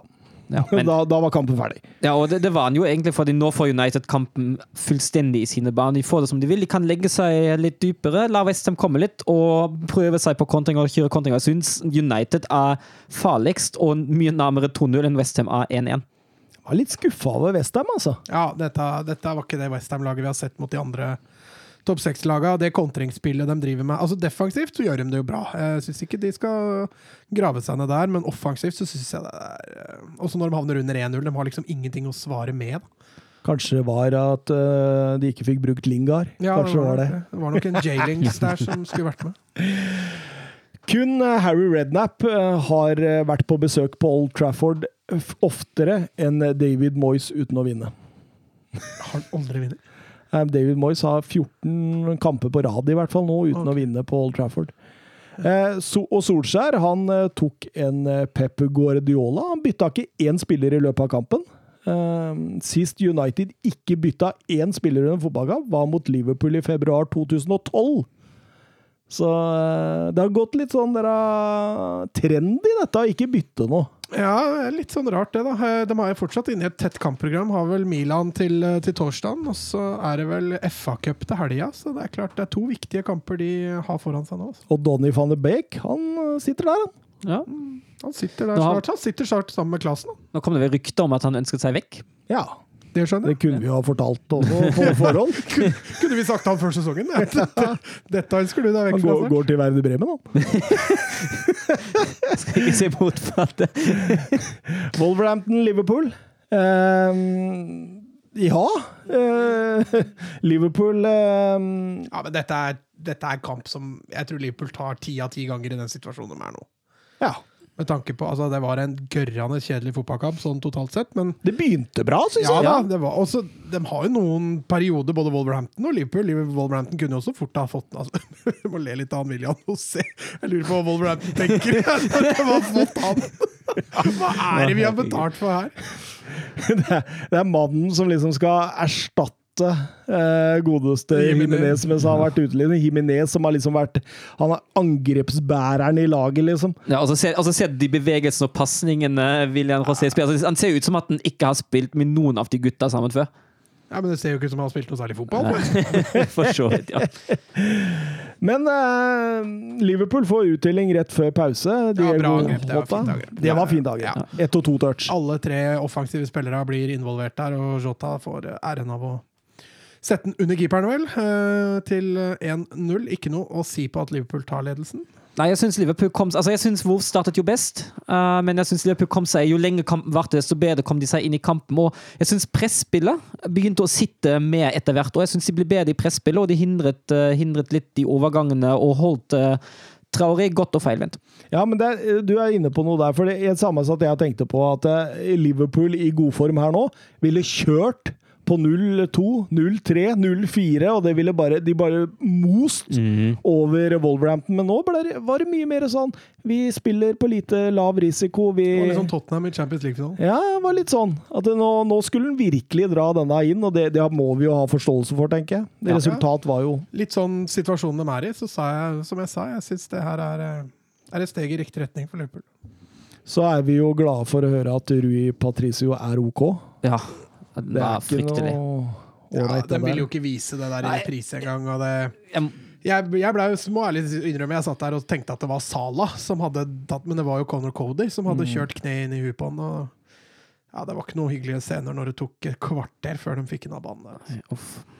Et visst eh, Wolverhampton-trykk på slutten, men Liverpool rir av, og eh, Oscar Carveio Holm spør eh, Dere snakket om det å kjøre stoppere man har, og ikke falle for fristelsen om å bruke Fabinho og Henderson som stoppere når de er tilbake. Tror dere Jørgen Klopp hører på 90 minutter?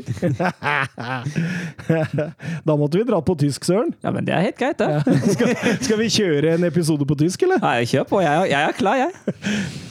Ok, Mats. Nå er vi, nå er vi til Kabach und uh, Philips eh, Nei, jeg klarer ikke det. Det stoppa der, ja. stoppa der. Jeg, jeg kunne ondt. Det kan, det kan være sånn bakomliggende sånn dømmende som de gjør på tyske nyheter. Ja, eh, Søren, Kabak og Philips sto frem, og Fabinho gjorde det godt som anker. Äh, Kabak und, äh, und Philipp äh, zeigten sich und, und Fabinho ma machte eine, einen guten Job als Staubsauger. Skal vi la han svare på tysk òg, eller? Tror, du- tror du Klopp hører på oss? Hei, Mr. Klopp! Mr. Klapp Klapp. Nei, men eh, nei, det var vel du som var innom det, at uh, han burde, burde gjort dette f før. Ja, altså i etterpåklokskapens lys, da. Eh, men uh, altså, jeg må jo si det at Nate, Nate Phillips har jo vært To siste kamper har han jo faktisk vært brukbar. Og Kabak ser også ut som er på, på Han var bra i denne kampen. Kabak var fantastisk Ja. Syns det. Så, så hvis dette står seg Men altså, Phillips er en sånn spiller. da Han har egentlig ikke høyere nivå enn topp championship-klasse inne. Men han kommer til å levere et par kamper hvor han leverer over evne. Uh, så, men jeg tror det er begrensa hvor lenge man har Phillips i den uh, klassen han viste de to siste kampene. Altså. Supersub Sivert på, på Twitter. eh, Fabinho på midten igjen. Liverpools redning? Spørsmålstegn. Ja, jeg syns i hvert fall han gjorde en veldig god kamp. Han var stor. Han var stor. Og, det, og da får du litt mer trygghet igjen? Ja, ja. ja. Den, eh, det, det der tror jeg han bare må fortsette med. Altså. Kjør inn noen 17-18-åringer på stopperen bare for å ha Fabinho på, på sentralen. Deilig, deilig, og da lever jo fortsatt topp fire-håpet til Liverpool. Eh, Vi skal over til eh, La Liga. Vi skal over til eh, Real Madrid mot Elche, og det var et Real Madrid i 3-4-3, det, Søren. Det var det, og det var et Elche i, i 4-4-2 som gjorde livet ekstremt surt for Real Madrid. Real Madrid klarte jo så fint å gjøre livet litt surt for seg sjøl òg. De står jo med ballen i en 3-1-6. De står jo på, som peler på snor oppe på, oppe på rekka, og så klarer de ikke å, å ta de riktige avgjørelsene. De klarer ikke å vende som de skulle. De, tar, altså de ser ikke løpende til medspillerne når de angriper, angriper rommet, og da blir det tungt, altså. Jeg, jeg tenker det at det er rart Real Madrid ikke går på flere smeller, tenker jeg, når jeg ser Real Madrid. Det har, det har litt med motstanderen også innimellom. De har gått på mange smeller i år, da. Eh, Så de har jo blitt arrestert. Ja, men det burde vært flere, Mats. Eh, Fordi du Jo, men altså, De har de klassespillerne Dette mener jeg husker jeg nevna før. Men altså, de har Modric, de har Kroos, og de har Benzema. Dette er spillere som redder poeng. Altså, i, i kamp, og i år har de hatt mye svake kamper. Og de har vært redda gang på gang av de samme spillere. Og i denne kampen var det jo bare Benzema fra start òg. Og når de begynte å egentlig spille litt fotball, da var jo både Kroos og Modric inne. Ja. Eh, fordi den første omgangen, den er eh, Altså, eh, vet du hva? ja, det var fryktelig kjedelig. Real Madrid evner ikke Nei, Real Madrid får det ikke til, og, og Elche evner ikke, så dette var, det var traurige greier. Det er positivt for Real Madrid selvfølgelig at Ramos eh, er tilbake igjen. Får riktignok bare 60 minutter. Han Rakk akkurat å, få et baklengs før han ble bytta ut. Så. Og Hazar på benken? Ja, han er Skal vi ta et nytt sneakersveddemål, eller? Han blir vel skada i dag. igjen.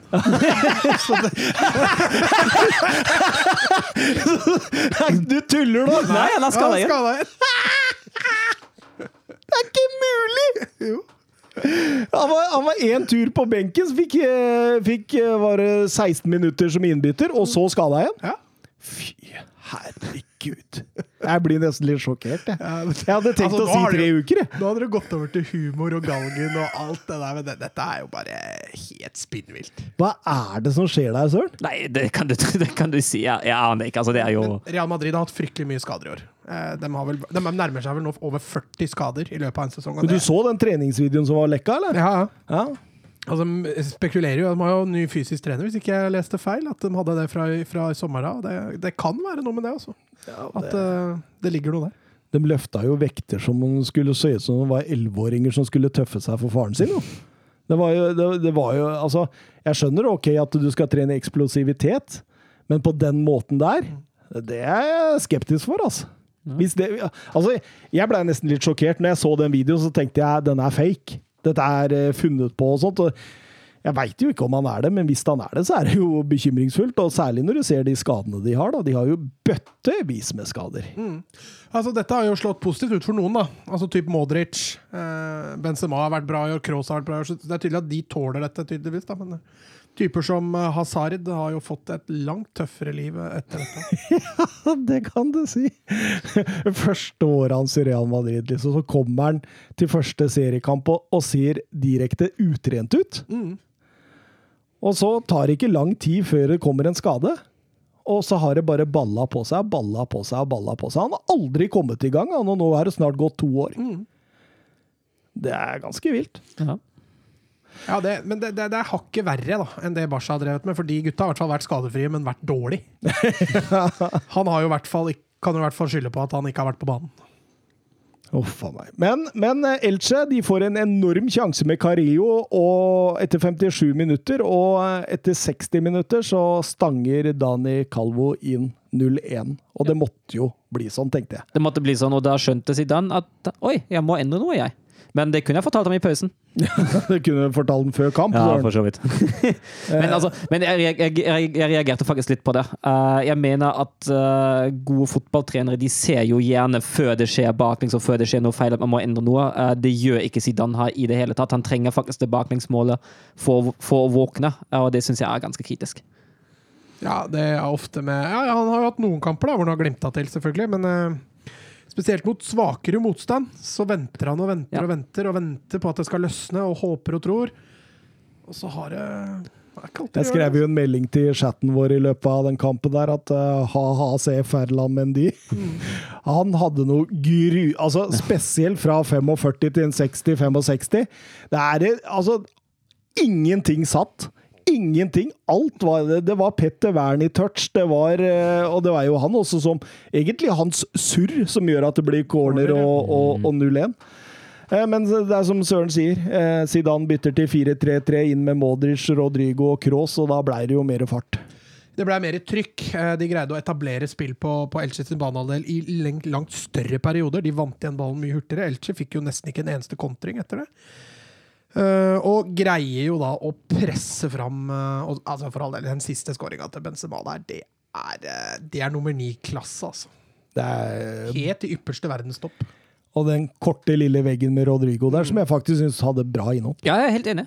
Var frisk. Banker til med venstra ned i hjørnet der og, og sikrer Real Madrid alle poengene omtrent på egen hånd. Ja. Det Og er, omtrent på kampens siste spark. Det er imponerende. Eh, Karim Benzema holder eh, gulldrømmen i eh, live for Real Madrid, og vi skal over til Getafe mot Atletico Madrid. og Oi, oi, oi. Det så jo ut som, som Getafe mot Atletico Madrid òg. Det gjorde jo det. Men heldigvis da, så vant de jo denne hengekampen sin mot Atletico Bilbao. Ja, Som gjorde at De får ha fortsatt pusterom, de har det, men eh, det er bare seks poeng nå til Real og bare fire poeng ned til Barca. Så nå eh, henger, eh, henger denne gulldrømmen i en stadig tynnere tråd, altså. Og de viser litt sånn dupp i form. altså Nå holdt de riktignok nullen, da, men, men leste, leste en statistikk for, en langt, for ikke så langt tilbake at Atletico slipper inn mål nå i nesten hver eneste kamp de spiller. altså. mm. Og det er litt alarmerende for Simione. Og du ser jo der at det, det, det virker nesten som det har gått en litt sånn usikkerhet i det òg. Du ser jo plutselig så slipper Aablak eller enklere Ja. turer, og, og det er Altså, jeg syns det ser veldig Og det eneste liksom på en måte de har av trussel offensivt, da, det er hvis Trippier eller Marcos Lorente finner Suárez. Mm. Og så har han nå begynt å Altså, Felix får ikke spille så mye lenger. Nei, Han sitter jo på benken og kommer inn, stort sett. Han velger Korea i, Hva skal vi kalle det i den rollen der? Altså, Caresco syns jeg er strålende. Eh, At han får spille på enekanten, det forstår jeg veldig godt. Men uh, Angel Korea på sitt beste, en veldig god fotballspiller. Men uh, Felixen, der er potensialet såpass mye større at jeg syns det er litt bemerkelsesverdig at, uh, at ikke de rollene er snudd om, da. Og jeg syns de beste kampene jeg har sett med Atletico Madrid, så har jo Thomas Lemar også spilt i Ja. denne sesongen. Så jeg, jeg fatter ikke helt hva han driver med der. Men, men når uh, Nyom stempler Lodi, den var stygg, Ja, Den var fryktelig stygg. og de får da 20 minutter 10 mot 11, så tenkte jeg da klarer de det, men de, de kjører jo på, og de De har jo sjanser, de har jo det. Men uh, det er litt sånn altså Innimellom er 20 minutter med å kjøre på ikke nok, og det var det ikke nå. Eh, Getafe klarte seg. Dembélé kunne vel ha avgjort, eller? Burde avgjort. Hadde et par feite der, altså. Men den redninga til Soria òg, herregud, den er enorm. Ja, absolutt, absolutt. Men uh, Getafe holder ut, og det blir faktisk 0-0, og Viktig poeng for Getafe. ja. som har uh, surra seg nede i uh, båndstriden i år. Eh, veldig kjipt for Atletico. Det der var en kamp de burde ha vunnet. Nå har de vel bare to seire på de siste fem, så det, det skorter litt på formen nå for Atletico. Et par artige points eh, etter kampen. Atletico Madrid hadde en possession på 72,7. Det er det høyeste tallet de har hatt i La Liga siden Oppda begynte å arkivere slike tall. eh, Så det er en god del år siden. Jeg tror det var 0,4 eller noe sånt. Hadde jo ekstremt mye ball etter at de ble utvist òg, da. Eh, De sparte opp en del prosenter der. Og Getafe har ikke scoret på Atletico Madrid på de siste 17 kampene! Ja, Det stemmer. Var det ikke sånn målforskjell på 31-0 eller noe sånt? Ja, det er helt vilt. To uavgjorte, 15 tap på de siste 17 og null skåringer. Det ja, de hvis ikke uavgjorte kampene ble 0-0, eller? Ja, det gjorde jo det, da. Men eh, så hvis ikke Atletico Madrid skårte, så måtte det jo bli 0-0 der. Og det blei det. Um, vi skal over til Sevilla mot Real Betis. Et El Gran Derby, eller Sevillano Derby, er det det du kaller det? Ja, Mats? Sevillano-derby, ja. Som egentlig skuffa voldsomt, syns jeg. Ja, I forhold til sjanser og sånn, så var det jo ikke bra. Men jeg syns det var en viss intensitet i det. Jeg syns du så tidlig at eh, det var litt hat. Men dette er kamper som trenger publikum, ikke sant.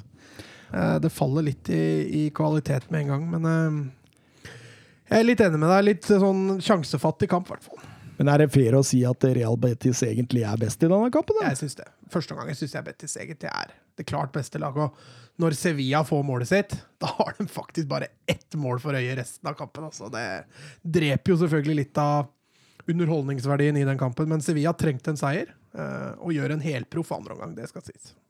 Jeg syns Fikir var bra i denne kampen. Aktiv. Ja. Det er gøy når han er så aktiv, for det er det ferdigheter som er gøy.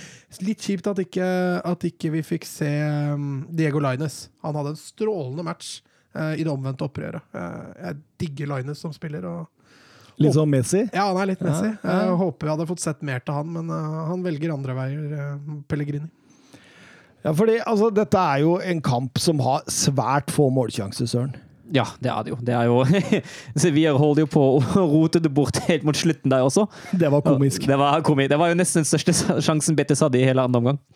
Og da tenker jeg at uh, godeste Lopetegi har blitt fornøyd når de to innbytterne virkelig Altså, han ene klarerte i han andre, og det det, det var nesten eh, Men Diego Carlos der han fikk rensa og, og jeg syns jo Altså, jeg forventer meg så mye mer av et sånt derby da, når jeg setter jeg meg også ned. gjør det. Altså, jeg syns, jeg syns jo i hvert fall spenningen og intensiteten var der, da, så jeg, jeg kosa meg jo litt. Men uh, det er litt kjedelig når det går så lang tid mellom hver målsjanse. Selv om skåringa til Nesiri, det var klasse, altså. Setter den fra nesten død vinkel. der. Ja, stemmer det. Han går forbi Bono der. Den er nydelig. Men, det, men, men der Han går vel ikke forbi Bono, akkurat, men han går forbi Robles. Robles, ja. Men, men, men det jeg tenkte på der også, altså målet ikke sant? Det er jo bare det at Navas kelker den i bakrom, liksom. Og Nesiri timer jo veldig bra. Det er nydelig nedtak. Nydelig nedtak. Med, medtaket der er klasse. Og neste touch forbi keeper, og så fra ganske skrå vinkel i mål. Så Nesiri er en eh, vanvittig formspiller for tida, altså. Eh, Sevilla vinner dermed sitt eh, tredje derby eh, på rad. Mm, De har Eh, fått et bra grep. Nabil Fekir hadde ti suksessfulle driblinger og null eh, mislykka. Eh, det er det høyeste eh, i derbyet siden Oppda begynte å, å regne i 03-04. Og kun Luis Suárez har flere poenggivende mål i La Liga denne sesongen enn Enesiri. Mm. Så han har blitt en viktig spiller for dem. Og holder de Jong eh, solid plassert på benken nå. Det er med god kanskje, kanskje greit. Han er ikke så glad i de Jong. eller? Nei, han er ikke Nei, jeg synes ikke Han det. hater de Jong. Jeg hater ingen.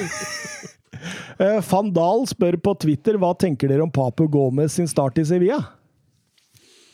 Han Ja, ja. har vel gått fra et angripende lag til et defensivt ja, lag. dette her har så langt altså Han har jo vært veldig inn og ut av laget. Da, for han, får, han virker jo ikke fast nå som Ocampos er tilbake. Så er det Ocampos og Suso som er kantene. Eh, I kampen nå så velger Lopetegi å kjøre Gomez som indreløper. Jeg syns det passa han OK. Eh, han har jo en intensitet i spillet som gjør at sånt passer han. Men eh, jeg er fortsatt altfor tidlig til å felle en dom. Jeg synes På sitt beste så har han vært bra, men veldig usynlig i store deler av kampen han har spilt. Men, men, men tenk han, da. Som har sittet liksom og holdt lagmøter under Gasperini. Hvor det er sånn Attack, attack, attack. og så kommer han til Sevilla og Lopetegi, hvor det bare er Vi må tette ro. Vi må stå langt bak, vi må være balanserte. Vi må passe på den og den og den spilleren. Det er kontraster. Det er kontraster, og det er ikke lett å, å ta den omveltningen på 1, 2, 3. Jeg, jeg skjønner spørsmålet til Vandal. Jeg er enig med han at det Pabu Gomez har vist så langt til Sevilla-trøya, det holder ikke mål. Men at det, en sånn omstilling trenger tid. Han er 33 år òg, da. Ja, og jeg, jeg, jeg, jeg veit ikke om han noen gang kommer til å bli den Nei. samme Papu Gomez igjen. Da. Og han, jeg tror ikke han blir det som indreløper. Jeg tror han må opp på kant, og så tror jeg han blomstrer helt klart best når Sevilla møter svakere motstand. Ja. Vi skal over til eh, Barcelona, Søren. Ja, gøy. Ja, altså, det, det var jo en Lionel Messi i fyr og flamme, da. Og, jeg, og, og, og for å ta det første først Når vi snakka om medtak i stad, det medtaket han har Ja. eh, forbi Pulido der oh, ho, ho. Men altså, En ting er touchen, men den balansen, da, at han fortsatt er i balanse når beina er på bakken igjen, det er få spillere som driver med. Altså. Ja, det var helt enormt. Og, og, og svakt forsvarsspill. Ja, Jeg lurer på hvorfor ikke støte stopperen oppi der, for der tror jeg han hadde kommet først på ballen. jeg tror han bare var livredd. Ja, det tror jeg. Er. Her må vi falle! Her må vi falle! Og han klinker den i krysset der fra 20-25 meter der. Er, det, er, det er så nydelig satt. Det er så nydelig utført, og det er nesten bare Lionel Messi som kan gjøre sånn. Ja, hadde jo en, eh, en ganske ålreit avslutning av Griezmann også litt seinere, da. Det, men hele, hele, hele, hele altså, Hvis du ser hele målet under ett, med tanke på eh, medtak og alt det der, syns jeg Messis uh, slår Griezmanns. Ja, det er jo mye vanskeligere Ja. å gjøre det Messi Ja, gjør, fordi det Griezmann gjør, det ser du jo titt og ofte at mange spillere gjør. At de tar med seg ballen, kommer i rettvendt i mellomrom og kliner til opp i hjørnet. Det er utrolig bra satt, Mhm. men det er jo ikke på det nivået Messi leverer. og Nei, det er, det er helt enormt, faktisk. Men når, når det er sagt, syns jeg ikke det er særlig tilfeldig at tre av de fire skåringene Barcelona har, kommer fra utenfor boksen, og den siste kommer etter en, eh, etter en dødball. For jeg synes, altså, Barcelona har jo kontroll, Barcelona er det klart beste lag, men jeg syns tilstedeværelse og trusselnivå fra innsiden av 16-meteren, det er ikke helt uh, der det bør være. Men Barca spiller ikke uten en klar nummer ni, og det, det kan være utfordrende. Eh, Når du har langskudd på det nivået der, så går det greit. Men, men Og du- ser også litt tapet av Frenkie de Jong som indreløper med de dype mm. løpene, fordi du får Busquets og Pedri. Du har kun to sentrale. Busquets selvfølgelig med et soleklart ansvar for å balansere, Pedri litt friere. Eh, men du får færre av de dype løpene. Griezmann liker å møte ballen i beina. eh, Messi liker å møte ballen i beina. Færre alternativer foran ballfører. Det Barcelona vinner den første omgangen på, er jo at de er ekstremt gode i gjenvinninga. Eh, så fort det faller, så kommer Huesca mye bedre med. Det blir plutselig mye mer rom, og de får kontring på kontring en periode der. Jeg tror de har tre kontringer i løpet av tre-fire-fem minutter. der. Og det, skal du spille sånn som Barca gjør der, så må du klare å opprettholde intensiteten i presset. Altså. For de sliter jo faktisk litt med Rafa Amir sine bevegelser der en periode. Ja, men altså, når, når de ikke setter et intenst press, da, så har jo Eska plutselig fem-seks sekunder til å finne en god pasningsalternativ. Eh, og det viste seg at det var jo motorvei både på høyre og venstre og i midten. Uh, hvis Eska bare tok seg tid til det. Så nei, de hadde litt utfordring i den kampen der. Altså, selv om resultatet tilsa at dette var full kontroll, så følte jeg ikke det. Nei, Jeg kan jo også si at, eh, at, det, at Rafa Mie klarer å ikke skåre 3-2. Det er jo et mirakel! Det er jo helt sykt. Altså. Nei, altså, Hvorfor bruker han ikke huet? ja, det, det kan du lure på. For det er jo, det, bare bruk hodet. Du, din, din ene jobb er å sørge for at ikke den ballen spretter over tverrliggeren. Det er det ene du trenger å gjøre. Han skulle bryste den inn. Han jeg tror han feilberegna. Ja, du tror det? At han da fikk en Å, han blei litt høy! Å, da rakk han ikke den. Men Rafa Mir var jo eh, faktisk en spiller som, eh, som var mye i sentrum i denne kampen. Og han får jo et straffespark rett før pause der. Og, Ja, og hva tenker vi om det? Eh, Kanskje utjevnende rettferdighet, da. Eller urettferdighet. At han, at skåra på et straffespark som ikke var straffespark, men ikke skåra på en gigasjanse seinere. Men der igjen også så leser jeg at eh, protokollen gjør at VAR ikke kan gripe inn fordi det er kontakt mellom altså, Ter Stegen men, altså, og det, det, igjen, den Er det Ter altså, Stegen han blåser på? Ja, det skal Men være altså, herregud, Ter Stegen altså, han står jo bomstille. Det er jo ingenting. Det er ikke noe bevegelse mot motspilleren i det hele tatt. Blås Han har avslutta å løpe liksom inn i hånda på. Og så kommer han etter at straffa er dømt, og så Gult kort! Gult kort kommer av Mir! så sitter du og ser hvor i alle dager hva skal det gule kortet være, liksom? Supersub Sivert eh, virker nesten som om VAR oppfordrer til filming når Foden ikke får straffespark mot Southampton. Ja, det var i midtuka. Deres tanker om det og straffesparket Barca får imot seg noen dager senere. Ja, den til Foden, dette har jeg sagt før. Eh, Du må legge deg skal du få straffespark. Ja, du må ikke, men du bør legge deg. Da øker sjansen din for å få straffespark i mye større grad. Eh, Det samme gjelder stor kontakt, liten kontakt, ulovlig kontakt. Eh, Ikke ulovlig kontakt eh, spiller ingen rolle. Legger du deg, så øker sjansene for straffespark. Eh, Synd. Veldig kjipt at det er sånn. At ærlige spillere som Foden med flere blir straffa for det. Når det gjelder straffesparket til Barcelona Nei, jeg sliter med å rettferdiggjøre den. Litt sånn som samme som med Tottenham. Det er jo kontakt, men det Nei. nei, nei. Det er to straffespark Det er Tottenham Arsenal og Barcelona Huesca, som aldri burde vært straffespark. Ja, det er jeg enig i. Og VAR burde gått inn og sagt 'vet du hva, det der er der', men uh, åpenbart uh, binte hender. Nei, altså, jeg, jeg så, den, eh, så den kampen. Altså, jeg skjønte rett og slett ikke hva han blåste for. Det, altså, jeg skjønte at han pekte på straffemerket, men jeg skjønte det ikke hva han blåste for. Jeg så ingenting der som gjorde det verdt å blåse for i det hele tatt. Absolutt ikke. Det er helt håpløst. Og, og det gir jo egentlig Huesca en sånn ekstra altså, Husker du når du spilte Super Mario i din tid, så, så gikk du tom for liv, og så kunne du få et liv hvis du fant en sånn sopp med grønne ja. Så de, de finner jo en sånn i kampen. En sopp. En grønn sopp med prikker på.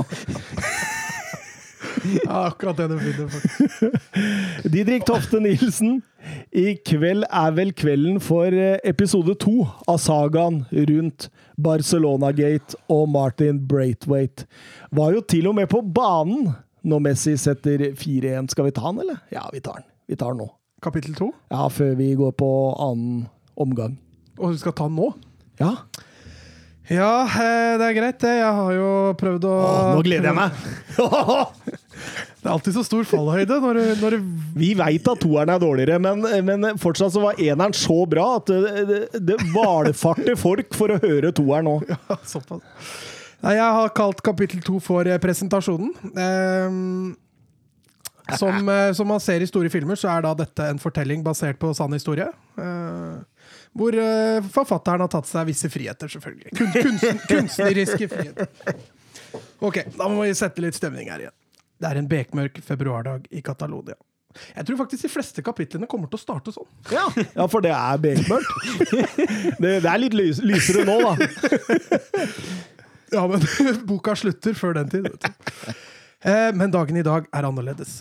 To herremenn står foran den berømte store Barcelona-logoen, smilende, tenkende. De ser begge utover det mylderet av journalister som fotograferer og roper. Og for den ene er dette den største dagen i hans karriere. Mafiabossen Bartomeo. Smilet går nesten helt rundt. Tenk at Leganes hadde satt en så lav utkjøpsklausul. Bare 18 millioner euro. Der er det nok en sportsdirektør eller to som må gå, tenker han. Vi fikk i tillegg brukt nesten alle de nyvaska euroene fra kjelleren. Han lar tankene fare tilbake til tidligere presidenter som har stått der han står nå. Laporta sto her med Ronaldinho. Rosell sto her med Neymar. Nå, nå var det endelig hans sin tur! Og imens journalistene tar bilder og intervjuer den nye stjernen, kommer sportsdirektør Hjamme Grau bort og stiller seg ved siden av mafiabossen for å bivåne det hele. Jeg kan ikke annet enn å undre på hvem som kommer til å spille meg i filmen, utbryter Bartomeu. Mannen som gjenreiste Catalonias stolthet, sier han stolt. Kanskje Antonio Banderas er leder? Eller kanskje Enrique Iglesias? Hammergrav smiler. Hva med Jack Black? Mafiabossen Bartomeo rister på hodet. Det er på tide nye, eh, det er på tide å ta den nye stjernespilleren inn på kamp nå, hvor han skal vise fram ballferdighetene til alle de møter. Martin Braithwaite er nervøs. Han står midt på banen av mektige Camp Nou. Han titter ned på ballen han holder i hendene, og ser han har begynt å skjelve litt. Dette må gå bra, tenker han. Jeg må imponere her. Han slipper ballen ned mot sin høyre fot, mens alle tre journalistene tar bilder og filmer. Én, to, tre. Dette går jo veldig bra, tenker han. Fire, fem, seks. Jeg trikser til og med med begge beina. Sju, åtte, ni. Bare én til. Ti! Yes! utbryter han. Den nye rekorden er et faktum. Også på denne dagen. Han titter bort på mafiabossen Bartomeo, som er tydelig imponert og stolt. Han klapper og smiler. Han tar rundt sin nye stjernespiller og geleider han inn mot garderoben, hvor han skal få møte sine nye medspillere. Han ber Braithwaite vente utenfor. Han må nemlig en liten tur innom toalettet for å betale rørleggerne, som har holdt på der en stund. Det viste seg nemlig at dem også driver med svertekampanjer på nett. Og mafiabossen Bartomeo har et hemmelig oppdrag til dem som han må få iverksatt. Kan denne dagen bli bedre, tenker han. The end. Ååå, så deilig! Åh, men la du, la du en cliffhanger der, eller? Jeg gjorde det nå. Åh, søren! Det Jeg er... gleder meg til kapittel tre. Oi, oi, oi, oi, oi. Så Twitter, Twitter, nå veit dere hva å gjøre. Presse for en treer. Jeg syns dette er Du leverer. Nei, takk, takk. Du leverer stort. Ja, ja, jeg syns det, er- det her er rett og slett strålende. Men så skulle jeg Underveis der så begynte jeg å google, fordi Jeg husker ikke hva han heter. Ja, men Men du må huske på det at jeg sa det før, at jeg har tatt meg visse kunstneriske friheter. Jo, jo, men jeg, jeg tenkte på en parallell. Oh, ja, ok. Eh, Fordi eh, Er det noen av dere som husker hva han het? Han spissen Southampton henta i sin tid? Dia. Eh, Dia, ja. Ali Dia var det. Som Altså, det er ingen som forsto åssen han hadde havna i Southampton, liksom. Han kunne ikke sparke en ball. Ja, Graham Sunes putta han jo på banen. Ja, ja, ja. ja. Og det, det var sånn, det var sjokk. Når han kom på stadion liksom, av de andre spillerne. Hva, hva gjør han her, liksom? For han, han jo, men jeg, Braithwaite er ikke så dårlig. Jeg maler jo et helsvart bilde Jeg maler jo et helsvart bilde av hvordan. Nei, ja, han, han uh, sleit med å slå gjennom i Middlesbrough, så ja, det Han var jo akkurat god nok til å komme inn i Wolfsburg også. Nei, han kom jo ikke inn. Nei. De hadde, jo ikke, de hadde jo ikke 18 millioner euro. Så. Nei, men det var deilig. Det er nydelig. Jeg gleder meg til treeren, Mats. Men, eh, men eh, ja, Barcelona eh, drar jo dette greit i land i annen omgang. De får jo den tidlige treen med Oscar Mingueza der. Ja, hans første Barca-mål. Jeg leste at han hadde spilt over 2000 minutter for B-laget på de siste tre åra. Og så har han nå spilt litt over 2000 minutter på A-laget og allerede fått ett mål og to assist, mens da han hadde null for de tre foregående årene. Så det er et eller annet Koman gjør rett med forsvarsspillere i Barcelona. Så Det er det jeg sier, Søren. At det kommer et Koman-dikt. Ja, bare giv nok tid. det må bli tid, ja. Jeg er ikke helt i mål der ennå. Altså. Og Lionel Messi 74. Ja, litt der da, går via en spiller, men eh, Det er deilig. Det er Det er deilig. Han er helt strålende.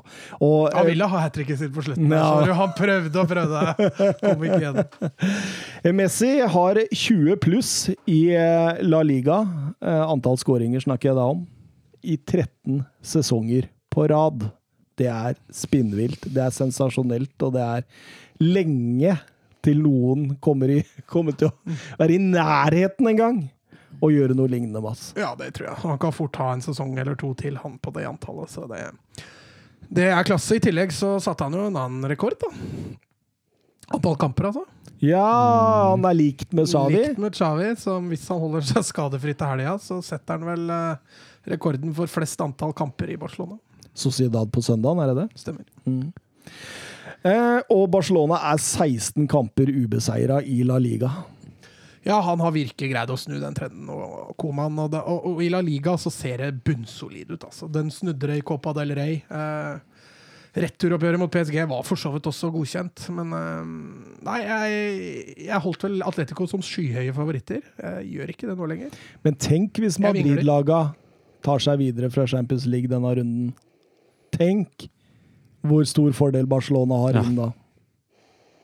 Ja, det vil de jo få. Du Altså, må jo håpe på disse Madrid-laga nå. ja, Real Madrid unner jeg ikke så mye, men um, Det hadde vært litt deilig å få dem ut i semien, og så kunne, kunne hvilt seg litt mer. Og, og jo, jo, det er kanskje greit, det, men um, ja, nei, vi, jeg håper jo selvfølgelig at Barca tar det. Jeg er fortsatt litt mot at Atletico tar det. Det er jeg jo faktisk. Jeg tror Atletico tar det. Eh, Verde Bremen, Bayern München, søren, da er vi Ja. på dine hjemtrakter. Ja, men Det er hyggelig, det. Det er Nesten grønt og hvit var det jo, og ikke så langt unna Wolfsburg heller. Så du koser deg med Verde Bremen, du? Nei, jeg har ikke, min aller første bortetur faktisk som eh, 14-15-årig Wolfsburg-supporter, det var borte mot Veda Bremen. Og det endte i et stygt, stygt 6-1-tap. Hva Og heter den stadionet? Weser stadion. Weser Ja, stadion. Weser er den elva som renner gjennom, uh, gjennom byen. Og, Fins det pene 6-1-tap, søren? ja, hvis, hvis vi vinner Ja, det er ikke tapt, da, men Nei, det fins ikke pene 6-1-tap. Men uh, det er, noen ganger så sitter jeg og ser på Bayern München, og så tenker jeg her kan de faktisk gå på en smell, fordi uh, motstandere har gode kontringsspillere Ja. som går i bakrom. Og, Ja. og det er måten å ta eh, Bayern München på. Men her så møter vi jo et lag og Florian Kofeld som Altså, jeg lurer på om han har sett Bayern München i år, jeg. Jeg vet ikke, De første 15 minuttene er de jo litt med. Bitte litt. Og etter det er det jo overkjøring. Det er jo Ja, men de må jo begynne å Altså, de må jo bli mer direkte. Ja, meg. jeg er enig i det. Enig i det. Altså, det, det, det eneste de gjorde for å dra seg forbi presset, var jo De gikk jo i driblinga, og så prøvde de å drible, drible ut eh, den pressende Bayern-spilleren. Og så lenge det fungerte litt i det første, første kvarteret, så så det jo OK ut. Men eh, det var ikke noe trussel mot bakrommet før de får sin 3-1-skåring helt mot slutt.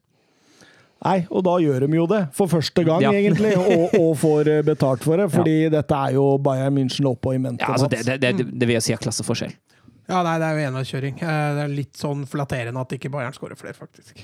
Lewandowski burde ha hatt uh, dobbel hat trick. Ja, han setter jo tre i stolpen da i andre omgang. Men Lewandowski er jo i hele andre omgang er jo helt sjef i Bremens boks. Det er jo ingen som får kontroll på ham. Alle innlegg kommer jo, som om han er magnet mot ballen, kommer de jo rett til Lewandowski, og han vinner jo nesten alle dueller i boksen. og Det er fryktelig sterk kamp av ham, altså.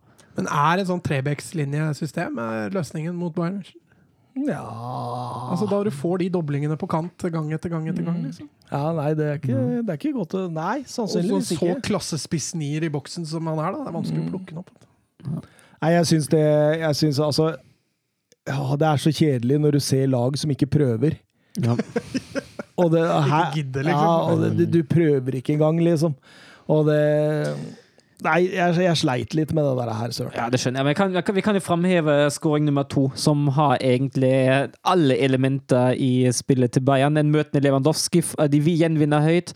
Eh, folk støter i de riktige rommene bak Lewandowski når han kommer og møter, og så er det stadig det rommet på halvvenstre mellom stopp og bekka som Gnabry har truet egentlig hele kampen, som han støter i, og det Muller gjør, er jo klasse. Helt eh, strålende, det 0-2-målet og det. Men du, du føler de spiller mot juniorer, da? Ja, du føler det. Du sitter jo der. Altså, det, det blir jo aldri spennende. Du, bare det er som du lurer på hvor mange må skåre de egentlig i den kampen. At det bare blir tre, som Mats sier. Flatterende for, Det er jo det. flatterende Det er jo for det. Og det ser jo ut som Bayern München eh, nå, med Leipzig eh, uavgjort også, har dette ganske i lomma si, Mats. Har de ikke hatt det hele tida, egentlig? Jo, jeg har- føler ikke at Leipzig egentlig har trua dem. Ja, men jeg, jeg håpa det, da. Jo, det gjør jeg altså for spenningas skyld. Ja. Men altså, de har jo, eier man alltid litt på underdogen. da. det er jo Jeg tror det er 3. april at Leipzig spiller hjemme mot Bayern. Det kan bli en nøkkelkamp. Det kan bli en nøkkelkamp, ja. Vinner Bayern den og holder Leipzig på avstand, avstand, da er det kjørt. Hvis Leipzig skulle vinne den, da er det plutselig gøy. Ja, Da kan det plutselig bare være sju poeng imellom. Nemlig. Ja, ja, ja. ja. Sju poeng! Sju poeng er sju poeng.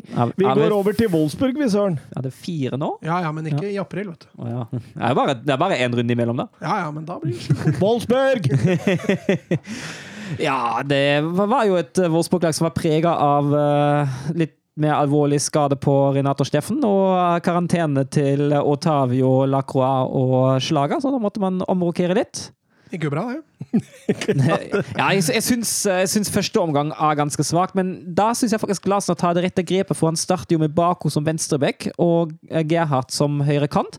Men etter en drøy halvtime bytter han de om og setter Bako opp på kant og Gerhardt som venstreback, og det syns jeg har ganske god effekt, i hvert fall senere i andre omgang òg. Og så kløner jo Ja. sjalkere til for seg sjøl, så det synger etter. Da. Jeg ble jo spurt om jeg mente at Mustafi var redningsmann til Sjalke. eh, for, Svaret kom der. uker siden. Eh, Jeg sa jo nei, men jeg sa det hadde vært typisk om han skåra mot Wolfsburg. Og på en, på en måte. gjorde jo det. Han gjorde jo det, han var på skåringslisten, men hva tenker han deg? Han er jo helt upressa. Altså, jeg skjønner ikke hva han driver med. Ser ut som han skal hedde tilbake Ja, han, til Rønholm. Det ser sånn ut, men han ser jo ikke hvor Rønner står engang. Godt det- plassert. Men, men, men det er jo klasseforskjell på laga. Ja, i andre omgang er det i hvert fall det. Altså, jeg syns, Schalke henger OK med i første. Eh, Blir jo spilt fryktelig lav i første år, men forsvarer seg brukbart. Men så snart Wolfsburg eh, leder 1-0, så snart Schalke må litt mer opp og fram, og så snart Wolfsburg tar det opp eh, et par gir, da er det kjørt. Og, altså, men det er Schalke altså Kolasinac før 2-0. Mustafi som går i dribling mot Verhorst ved egen boks før 3-0. Altså, er jo lett, det er lett å skåre deg, Det er jo fryktelig. Snakker vi om Bremen som er junior, dette er ikke junior, lilleputt, altså. Ja, 4-0 òg. Super tellefeil. glemmer Brekalo på Ja, han får bare gå. Ja, Så det er, my det er mye rart ja der, det er fryktelig. Schalke. ikke vært sånn i hele Jo. Dette er jo ikke fryktelig nye, nye Og nå har du tatt ut den beste stopperen din og solgt den til Liverpool, og så har du erstatta den med Mustafi. Så det, det går det, Dette skal jo ikke gå. Men det, det, det var en nordmann som eh, debuterte Ja. i Bundesliga mot slutten der. Hadde ikke jeg vært borti før, altså. Nei, ikke jeg heller. Mikael Marden. Han, eh, han gikk ved fra Branns juniorlag til Schalke for et år siden, i februar 20... ja, ja, Januar 2019 2020, tror jeg, hvis jeg ikke tar feil. Og så satt han på benken, og så fikk han fem minutter. Veldig hyggelig for ham. Eh, Synd, det blir, synd for ham, da. Det blir, en, eh, det blir et stort tap. Norsk unggutt debuterer for storhet, sto det i norske aviser. Ja, gammel storhet, vil jeg si. Det er lenge siden Sjalka har vært storhet, Mats. Men altså, den, Var det ikke Champions League for et par år siden? jo, Jo, Men men da altså- fikk de også grunnhjuling. Men det altså, det er jo en stor klubb, det kan man jo være enig om. Men det er en storhet akkurat nå er det jo ikke, men en stor klubb vil jeg jo si det. med tanke. Altså, De er jo den nest største klubben i Tyskland med tanke på medlemstall, og har jo Så det er en liten katastrofe at det rykker ned. Det er en fullstendig katastrofe. Altså, jeg, tror, jeg tror av alle klubber i hele verden er Schalkes ansvarlige og spillere de gladeste at det ikke er supportere på stadion. Tror du de kommer opp igjen med en gang? Eh, Det blir jo tøft. Det, altså det, det som blir jo spennende å se hva, hva som skjer i andre Bundesliga, det er jo fryktelig jevnt der òg. Hvis Hamburg skulle finne på å rote det bort igjen med opprykk, da hadde jo både Schalke og HSV som to lag som krangler om uh, to opprykksplasser og én kvalifiseringsplass, og det kan jo bli uh, kan bli fryktelig. altså Ut ifra erfaringer det er alltid et eller annet overraskelseslag som dukker opp da og plutselig lager litt kvalme for de store, og det kan fort bli vanskelig. Et. Paderborn eller Armina Ja, Holstein Kiel nå, VfL Bochum, Greuter Fürth. Og forrige sesong Heidenheim, som kom seg til kvalifiseringsplassen foran HSV. Men altså- Svintungt. Men Det var ikke Ragnhild-rykta? Ja, og det er jo det neste som skjer nå. At eh, Ragnhild har jo, er jo rykta, og Ragnhild har etter sigende veldig lyst eh, å bli sportssjef. Og gå inn i styret og styre litt der.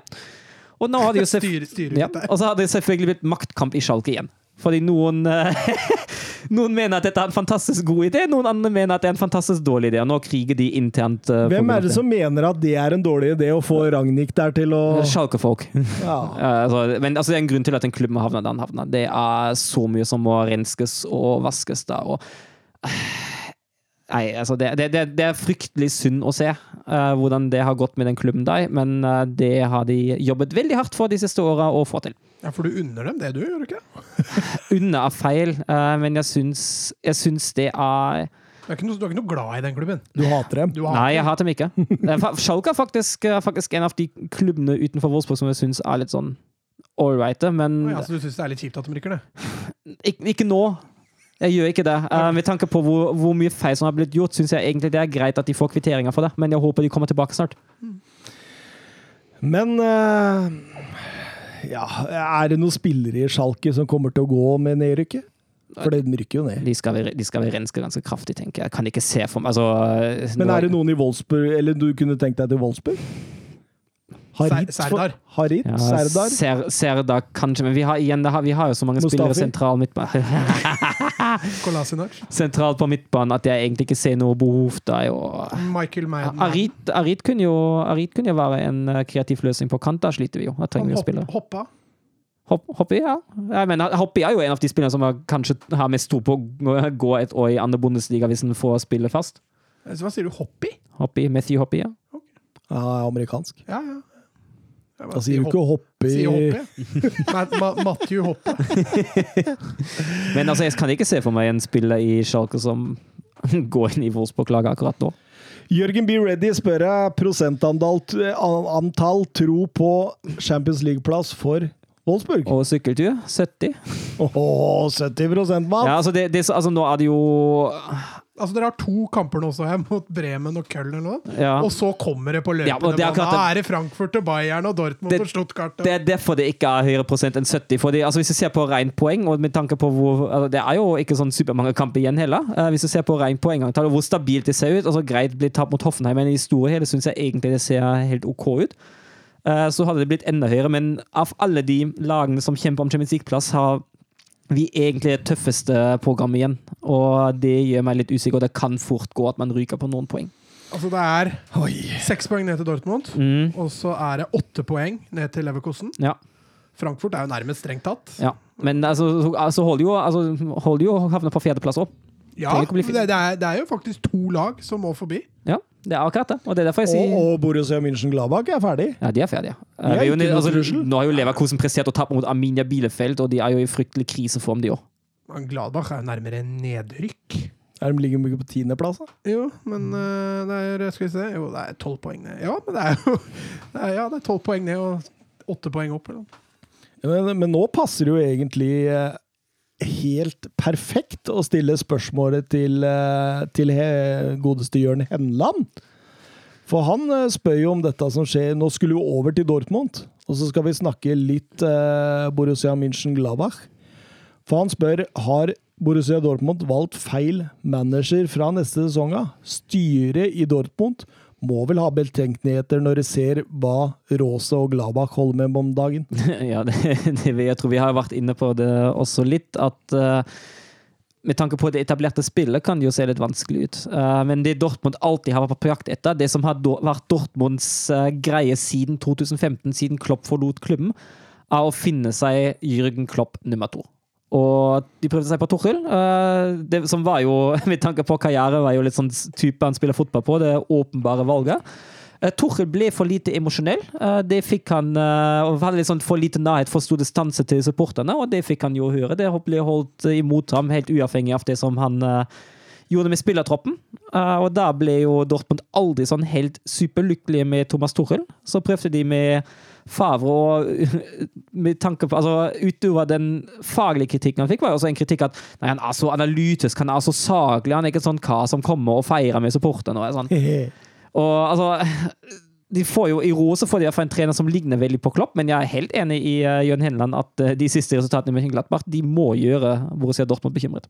Nei, men Kan de legge det til grunn, da? Nei, jeg veit ikke. Altså, Nå men, er det jo opplest og vedtatt at han drar derfra til Dortmund. jo, det kan Altså, for meg si. syns jeg egentlig er skandale at Gladbach har valgt å beholde han når det går som det går nå. Jeg. Ja, i hvert fall når, De der burde jo bare bytta trener med en gang. ja, i hvert fall når du ser når han sitter på presse... Ter Terzic fullfører Gladbach? Når, kan... når, han, når han sitter på pressekonferanse og sier Nei, det går jo veldig bra, jeg koser meg veldig i Borussia Dortmund. Uh, Mönchengladbach. Ja, ja, Det sier litt om Ja. hvor, hvor han er en mentalt. Ja, det, og Og det, det er jo fra de tidene der det har gått skikkelig ille. Ja, Ja. Det er- ja, ja, det har jo det. det, har jo Det er det. derfor jeg sier at jeg hadde ikke lagt så veldig mye i de resultatene til Gladbach nå. Åtte siste kampene har de null seire, én uavgjort og sju tap i alle turneringer. Jeg tror de på- snur i dag, faktisk. Ja, altså det, det er jo det òg. De får jo sikkert grisehjuling as we speak nå. Ja. Og så har de Schalke neste, og den uh, må de vinne med store bokstaver. Men, men, men jeg syns jo fortsatt at uh, med tanke på hvordan det ser ut med, mot etablert forsvar, med at det må bekymre Borussia Dortmund. Jeg Det må det. jo det. det, må jo det. Uh, stort sett alt bekymrer Borussia Dortmund nå, tenker jeg. Men Men det sitter jo igjen fra før også, og det er ikke noe som har kommet nå Nei, de siste åtte kampene. nei, det er sant. Det er sant. Eh, For Borussia Dortmund de tok imot Jarstein og Hertha Berlin, og der skulle Jarstein spille, eh, spille en rolle både godt og vondt. Ja, altså det blir jo en nordmann At en nordmann blir matchavgjørende på Signal Iduna Park, det er jo ikke så veldig sjelden at det blir akkurat denne nordmannen som blir matchavgjørende. Det var jo noe nytt. Altså, Jeg sitter og irriterer meg over Julian Brandt. Jeg syns han er så dårlig. Jeg hylla vel han som en eh, mulig årets signering for to år siden, men det han viser, og den kampen Jeg syns han er så svak. Og så sitter jeg og tenker Typisk om han scorer nå. Men altså, han treffer ikke på mottak, han treffer ikke på pasninger. Løpene hans går ofte ut i intet, selv om han ofte plukker opp en del andre baller. Det skal sies, men uh, jeg syns han er så dårlig. Men jeg, jeg syns- generelt altså Dortmund er klart best. Hertha er harmløs, og Dortmund skaper jo noen sjanser. Men jeg syns ikke de problemene Dortmund har mot etablert, forsvinner i den kampen heller. Uh, det, det går veldig mye at du, du skal bredt, du skal ut på kant. Og da står Hertha og skyver ut to-tre spillere, og da får Dortmund det vanskelig med en gang. Og så er det en eh, Erling Braut Haaland som er litt av i denne kampen. Åpenbart uh, feira måla mot eh, Sevilla godt. Mm, og blei så glad når han tok rekorden til Harry Kane. Ja. Og så omstiller han seg, og Solskjær og Mbappé og alle. og så omstillinga der, den er ikke alltid like lett. Og jeg, jeg, jeg, jeg, tror det er litt sånn at ok, nå tilbake til hverdagen. Nå må vi finne Men det er der de beste målskårere er. ja, så så Det gode, da. bekymrer meg litt, akkurat det der. Det bekymrer meg litt overfor han. Det blir spennende å se hvordan overgangen blir til landslagsfotball da, om en ukes tid. Ja, men der er han sikkert i fyr og flamme. Det er sikkert Ja, det er Gibraltar, da. Han bør faen ha Han kommer til å ha Skårte han ikke ni mål i en kamp for U21? Ja, for U- U19 var det. Ja, U19. Mot Honduras i VM, var det vel i U19-VM? Kanskje vi kan 20 eller et vente noe sånt nå? Mot Gibraltar? Eller er det blitt bestemt om vi skal eh, drive med boikott og sånt, eller hva, åssen er, Nei, er det Det er der? blitt, altså, den, den debatten ble jo ikke tatt. Det, det, NFF var det vel eh, som utsatte den debatten, rett og slett. Ja. Men, men, men jeg skjønner ikke hvorfor det kommer en debatt, jeg, fordi altså Dette her, det har vi jo vist i lange tider at det skjer. Og, og skal han komme nå noen dager før første landskamp? Og, og, og det viser jo seg det at eh, disse gjestearbeiderne, eh, de har jo mye bedre enn mange andre som allerede har jobba der i 10-20-30-40 år. Altså, Ja, Men det er fortsatt ikke noe argument for hva da? for- Altså at de hadde, at de, hadde at, at de slavene som er der, ikke er så slaver til likevel for de andre er mer slaver. Altså Det er jo et Nei, argument for men jeg mener at verden må jo bry seg mye tidligere. Det er, Ja, det er jeg- mener. det er jeg det, er det som var poenget mitt her, da. Det var jo det. Det viste seg at de slavene hadde det ikke så Ja, men i alle dager to- tolka dere det sånn? Nei, jeg sier bare det at eh, hvorfor skal vi plutselig Ja, ja, bry oss om dette når det er så elendig som det er nede der fra før av? Da burde vi jo ha Ja, det er jo bra folk boikotta bryr varer. seg, da. Det spiller jo, Jo, ingen rolle jo, om men da burde vi by, Jo, for vi burde boikotta varer og alt mulig rart, da. Ja, men det kan jeg være helt enig med deg i. Men det er jo bedre at vi lager en sak ut av det, og så blir folk oppmerksom på det. Ja, Men hva hjelper det om vi blir altså, oppmerksom det blir på det om det ikke skjer noe? Om det blir boikott eller ikke. altså Nå blir jo folk i langt større grad uh, oppmerksom på det. Det er Ja, viktig. men- Fordi hvis det ikke skjer noe Ja, men Da er jo folk allikevel oppmerksom på det. altså Da kan vi jo ta grep i forhold til ja, men akkurat hva, hva, det. Åssen grep, da? Du og jeg får jo ikke gjort så jækla mye, da. Jeg kan jo ikke dra dit, i hvert fall. Men uh, vi, altså, de har jo sagt at de skal jobbe for dette Hva skal vi kalle det? De sier de skal gjøre det innvendig, sier de. Altså, oh. Dra ned dit og jobbe med dem der nede, da. Ja, ok. Ok. Jeg synes jo det er, altså Poenget mitt er jo at det er jo en skandale at dette i hele tatt eh, blei eh, godtatt i år 2000, og når er de fikk eh, Ja, no, 12 eller noe? Da, da, da ser Blatta kose seg på sitt beste. Ja, ikke sant? Ja, men altså, det, er- og, og og det og det lukter jo korrupsjon lang vei. Ja, det er, er det ikke Det lukter, er, er det ikke, lukter ikke. Det er bevist! Og, og det, poenget mitt, da, Det er jo det at eh, der og da så burde man jo tatt et stand- standpunkt og sagt ifra alle land som eventuelt var eh, aktuelle. Kunne bare sagt 'det går vi ikke med på'. Mm.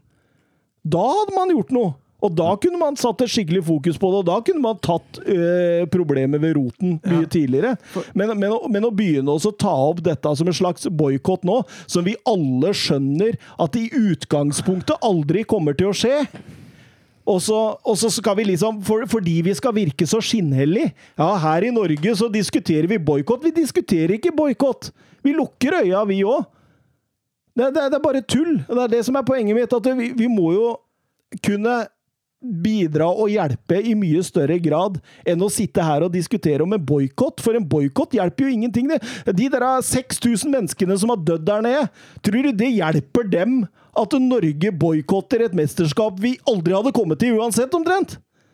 Nei, altså, det hjelper ikke Poenget dem. mitt. Poenget mitt, ikke sant? Altså, det hjelper jo ikke dem, men altså, det er jo som jeg sa i stad, det er jo viktig at det blir belyst. Jo, men det er tidspunktet her jeg mener. Jo, jo, og det er greit nok, og, og det er mye feil med det VM-et.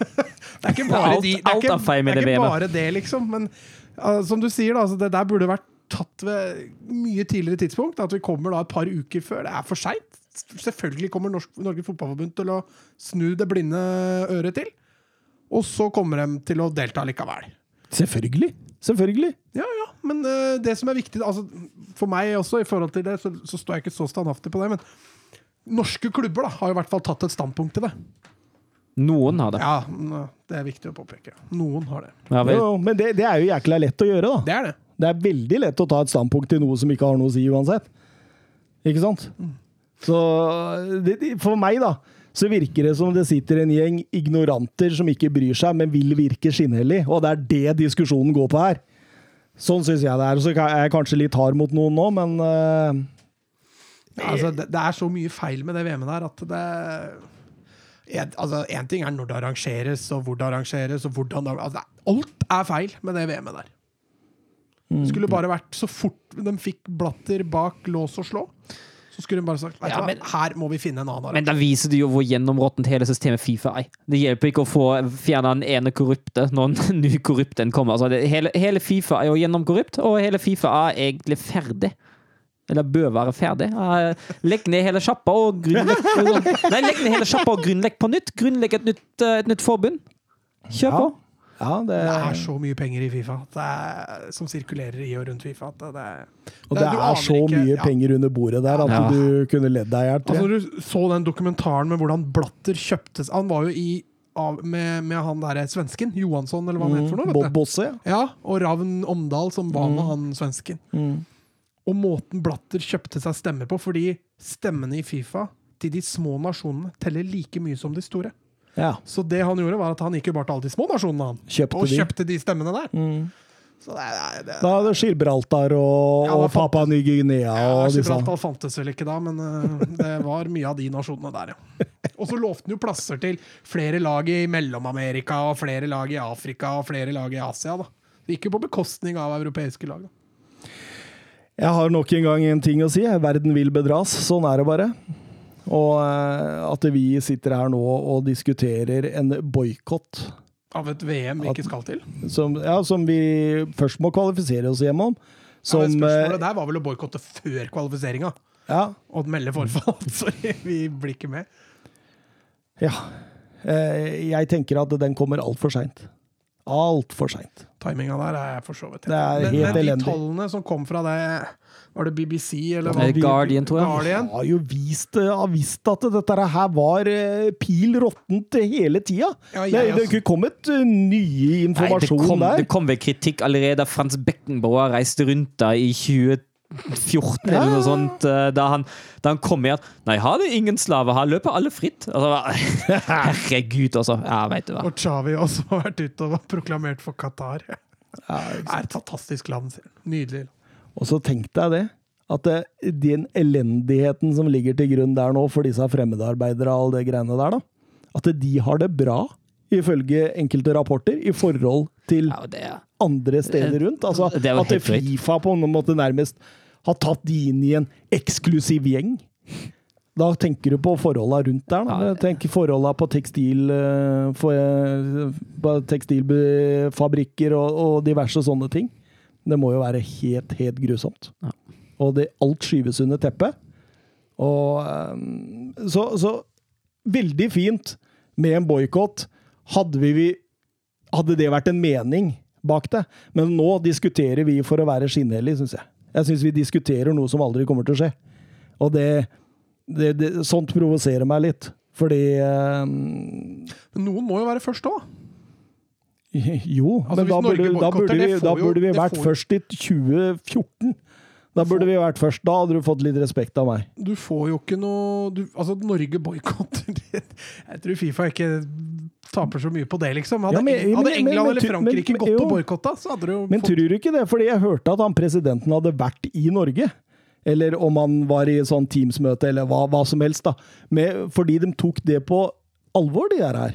Ja, for det gir dårlig publicity for Fifa. Ja, ikke sant? Og, det, og du kan dra med deg andre land, ikke sant? Mm. Men realiteten er jo at ingen kommer til å boikotte de greiene der. Det kommer jo ikke til å skje. det er ikke nasjoner, det tror ikke jeg heller. Men jeg håper enkeltspillere kan Når starte Lars Bohinen får prøvesprengninger Ja, mot Frankrike og sånn. Men Kanskje ikke sånn type Birger Meling og sånn, i all respekt til Meling, men at er noen litt større enn deg boikotter. Sånn at Ja. flere kan komme med. Sånn at vi blir faktisk eh, Harry Skal vi Kane, gå ja. videre, eller? Ja, vi kan, vi kan gjøre det. Vi kan gjøre det. Men det er et viktig tema, Det er det. eh, for all del. Men jeg liker ikke når folk spiller ball og være skinnhellige for noe de ikke har noe liksom, ja, det, det, det, Sånne ting provoserer meg, da. Nok om det. Um, hvor var vi, så? Ja, vi var på Dortmund.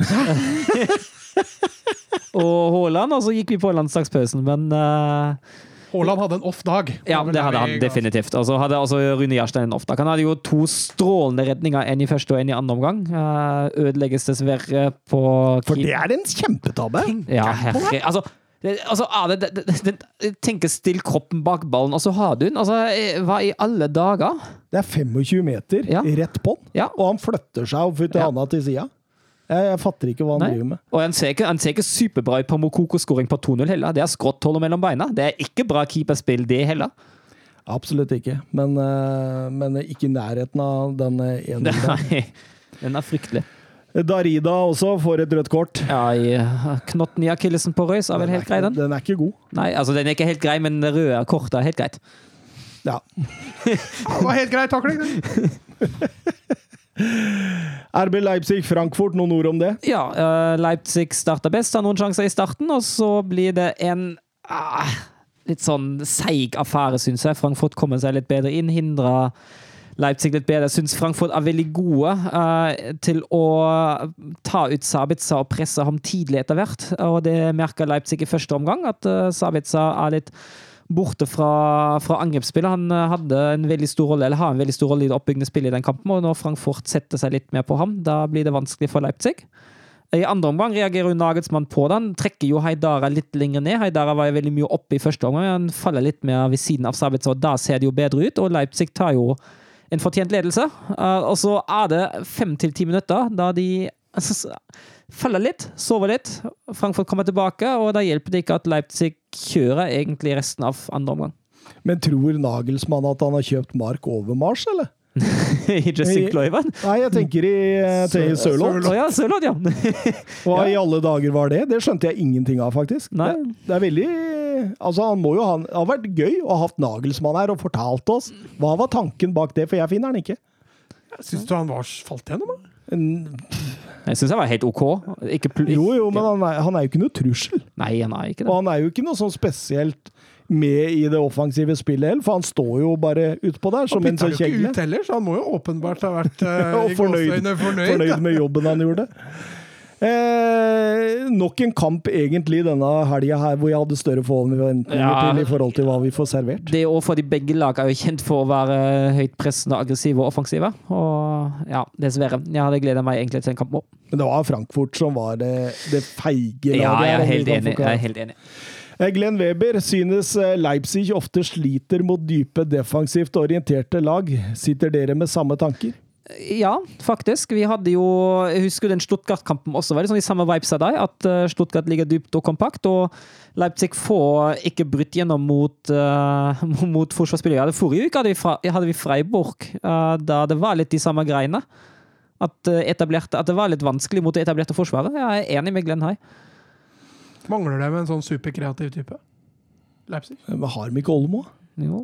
Men han spilte jo Spilte jo ikke denne kampen. Ikke. Han kom inn, vel. Ja. Da blei det litt bedre offensivt. ja, jeg er enig. Og Eh, egen- egentlig løser jo Nagelsmann det ved å finne veier til å skape ubalanse. Han er jo egentlig veldig god til det.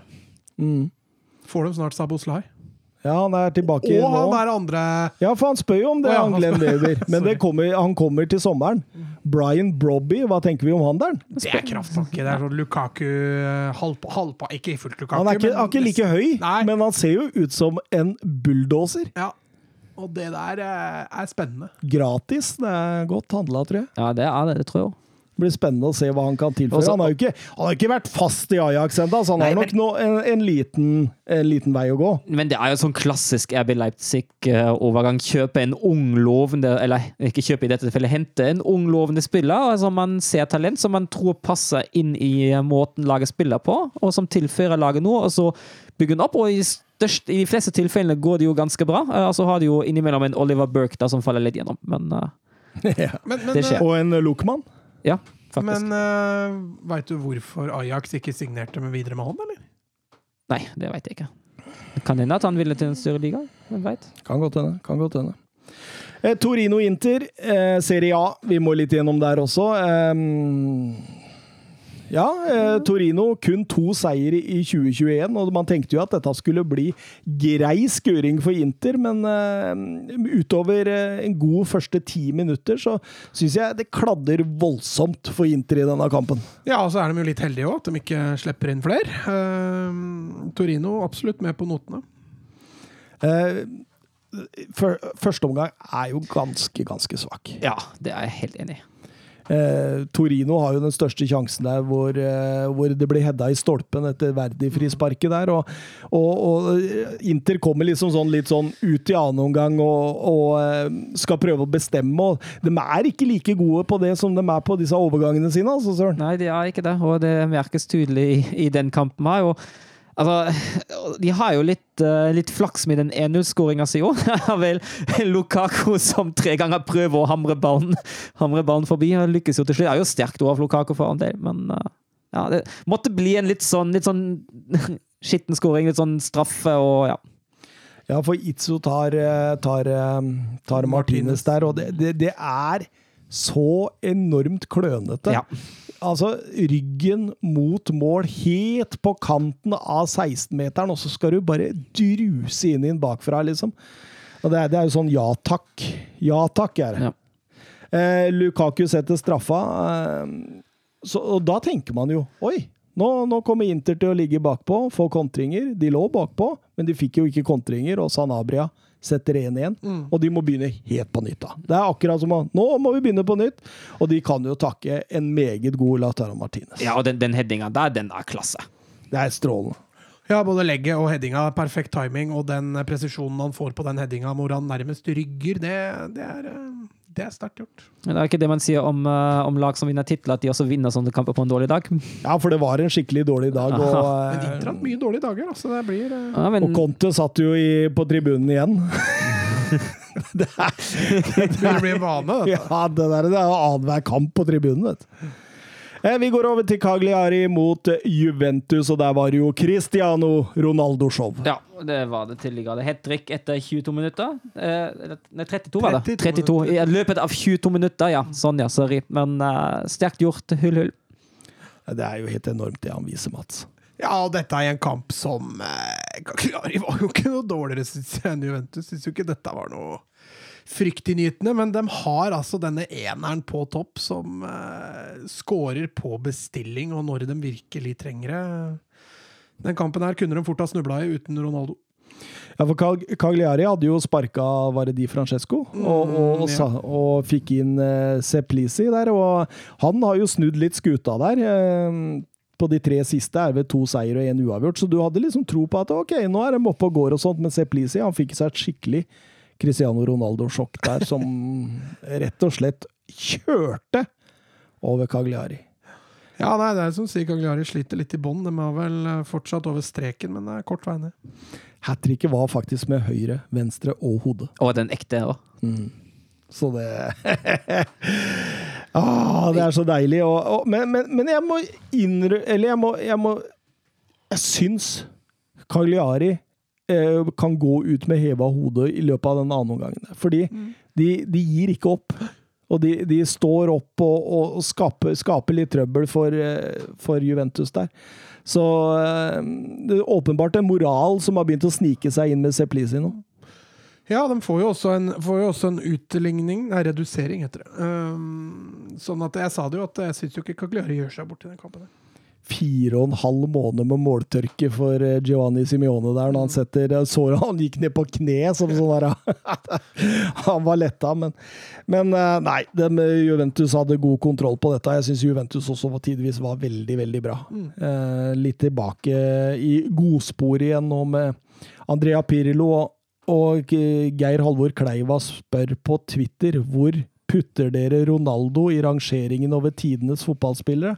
Med tanke på mål, titler og det høye nivået han har spilt på i snart 15 år, er det vel få som omtaler han som tidenes beste? Ja, litt sånn uheldig at han står i skyggen til Messi. Ja, altså Hvis du legger det til grunn, da, eh, antall titler og antall mål, så er han jo helt, helt der oppe sammen med Messi og Pelé. Han, har jo, han skårer jo på bestilling, og han vinner jo stort sett titler i hver eneste sesong, så da bør han absolutt rangeres. Men når du skal liksom rangere tidenes beste fotballspiller, så bør du ha liksom litt andre kriterier. da. Og der føler jeg Ronaldo faller litt gjennom på, på andre ting. Han, han, han er litt mer avhengig av et lag bak seg enn det Messi er. Og det tenker jeg liksom skiller dem litt da, i den, den diskusjonen der. Ja, og det, og det er jo liksom det samme som med Pelé og Maradona, som kunne gjøre det helt, helt magiske på egen hånd. Det er Men, men, men samtidig, vi, vi, vi, hvis vi Så skal ikke vi bli historieløse. Maradona er fantastisk og sånt, liksom. Men veldig kort periode Maradona var veldig, veldig god. mm. Mm, Samme kan du si om Ronaldinho òg. Ja. Sånn at eh, hvis, du skal, hvis jeg skal rangere de beste fotballspillere som jeg husker, da Jeg kan jo ikke ta med Pelé og Maradona, og sånt, for husker jeg, Maradona husker jeg så vidt det var. liksom. Så kommer ikke Ronaldo særlig høyere enn 5-6. Altså, Å, sånn, tuller du? nei, altså Oi. som fotballspiller. Ja jo, men, men pakka Ronaldo. Mål, titler Altså, det er jo en Altså, pakke her. ja, ja, det er, tok kanskje litt i. Altså, Men altså, det jeg altså, tenker på, her, Du har Ronaldo El Fenomeno, du har Zidane, du har Ronaldinho. Jo, alle disse spillere Men, men, hør, men hør. Fire Premier League-titler. To La Liga-titler. Eh, to eh, Serie A-titler. Fem Champions League-titler. EM-tittel. Fem Ballon d'Or-titler. Eh, han skårte 118 mål på 288 kamper i United. Han skårte 454 mål på 447 kamper i Real Madrid. Han er på 98 på de 126 i Juventus nå. Og han har 170 landskamper for Portugal og 102 mål. Altså, det er så spinnville tall at jeg, jeg skjønner hvor Geir Halvor Kleiva vil med dette her, altså. Men, men mye av grunnen også, eller litt av grunnen til at han kan levere så ekstremt, er av den ekstreme mentaliteten og den fysikken og den selvdisiplinen han har. Men det er jo en del av pakka. Ja, og der er han unik. Der er han utvilsomt den beste. Uh, I hvert fall spillere som spiller nå, da. Men, men jeg lar meg jo fengsle veldig mye av fotballferdigheter, da. Og der har ikke Ronaldo vært øverst. Jeg setter den topp tre. Jeg hadde satt den bak uh, Messi, Maradona, Pelle på fjerde. Ja, jeg, jeg, jeg, jeg, kan ikke regne med Pelé, men jeg husker Maradona litt. Og jeg kan mye Maradona. Og, og at han For meg så er det Messi, Ronaldo, Maradona. Ja, Men, men regner du Ronaldo som en bedre fotball... Du tenker full pakke? alt? Ja, jeg, jeg, jeg tenker jo pakka. Pakka, så syns jeg det. Altså, Altså, jeg syns jo Zidane og Ronaldinho og Ronald, originale Ronaldo var bedre fotballspillere. ja. Ja, Men, det, det men Zidane leverte vel litt sånn, eh, litt sånn eh, bølgen det han òg. Han hadde vel, var vel best mot slutten av sesongen, som regel. Mm. Nei, Den diskusjonen der blir jo det blir litt Åh, smak, den er- er den er- smak den- og behag, selvfølgelig. Men uh, jeg var kanskje litt slem når jeg tok fem-seks. Ja, det, det, det syns jeg var voldsomt. Nei, jeg kan jo ikke regne med verken Maradona eller Pelé eller Cruyff, for jeg husker jo ikke dem. Men uh, Messi er i hvert fall nummer én for meg òg. Og så bak der er det vanskelig å rangere. altså. Vi går innom Milan-Napoli en lite Vi begynner å rakke på tid her, men eh, Skal du rekke noe? Nei, jeg skal ikke det. Skal vi bare kjøre godt over tre timer og sånn? Kose oss? Nei, men eh, jeg syns jo Jeg syns jo Napoli fortjener denne seieren, eh, tross alt. Jeg syns eh, de er det beste laget. Jeg syns Milan er en, på en liten sånn nedoverkurve nå, altså. Ja, de er det. Ser det sånn ut. De hadde jo en grei kamp på Old Trafford, da. Ja, for all del. For all del. Eller var det United som var dårlig der, da? Jeg Ja, det var litt- det ja. jo også, selvfølgelig. Men eh, et dårlig United uh, Ja, nei, det er kanskje sant, som du sier. Jeg syns jo Zielinski blir mye av forskjellen på laga. da. Eh, Måten han eh, jobber på midten der. Måten han spiller fram Politano på 1-0 der, fantastisk. Eh, syns rett og slett at, det- at Zielinski vokser fram nå til å bli en meget god spiller. Og godt likt av Gattuso. Ja, det Jeg tror. Gattuso er veldig glad i han. Mm. Og den spilletypen han er. Og jeg syns Milan sliter i grunnspillet, altså. Det, det er et eller annet der nå som, som kladder litt mer. og Du kan jo si at Zlatan var ute, og, og de, de har jo noen skader, men, men, men jeg syns ikke det er nok, altså. Men, men, men hva, hva tenker vi om, om situasjonen med Di Lorenzo og Theo Hernandez? Hvor Di, hvor Di Lorenzo får gult kort. Er ikke det soleklart rødt? Jo, jeg er for så vidt enig med deg i det. Han går vel ikke engang ut og sjekker den. Nei, det er nettopp det som overrasker meg. VAR bryter jo ikke inn der heller, så Nei, den er kanskje litt drøy. Jeg er ikke veldig bastant, tørr. Den er drøy. Den er drøy, altså. Ja, og Theo Hernandez tar jo Oshimen nå, rett etterpå der, og det, det virker som det var en slags sånn der, «Ah, nå skal jeg hevne. Oshimen har ikke fått helt det Nei, han har ikke det. har Ikke det, han har ikke det. Venter fortsatt på han. altså. sitter mye benk og kommer inn. Ja. Så han gjør det. Altså, Mertens er for all del ingen dårlig fotballspiller, så jeg skjønner han har problemer med å få plass. Men uh, hvor mye penger brukte de på han? da? Brukte de ikke 400 millioner? Det var voldsomme. Det var eh, et helt nasjonalbudsjett i mange gode land. Mange gode land, som Qatar. Ikke Qatar. Nei, ikke, Det er ikke et nasjonalt det, det er ikke et godt land. Og ikke Men hva tror vi Ante Rebic sa til dommeren? Var det direkte rødt? Ja. Du ser han bare snur seg og bare flekker opp det røde kortet. han skjønte med en gang Ja, eh, Rebic ja, Nei, Rebic skjønte med en gang Ups, da. Hva er han har sagt? Det er spennende. Nei, det vet jeg ikke. Et eller annet drøyt må det ha vært, altså. Ja, og, og i forhold til kulturen i Italia og alt det der, sannsynligvis et eller annet om søstera eller mora. Ja, men, ja Rebic, er jo kroatisk, da. Vi får se.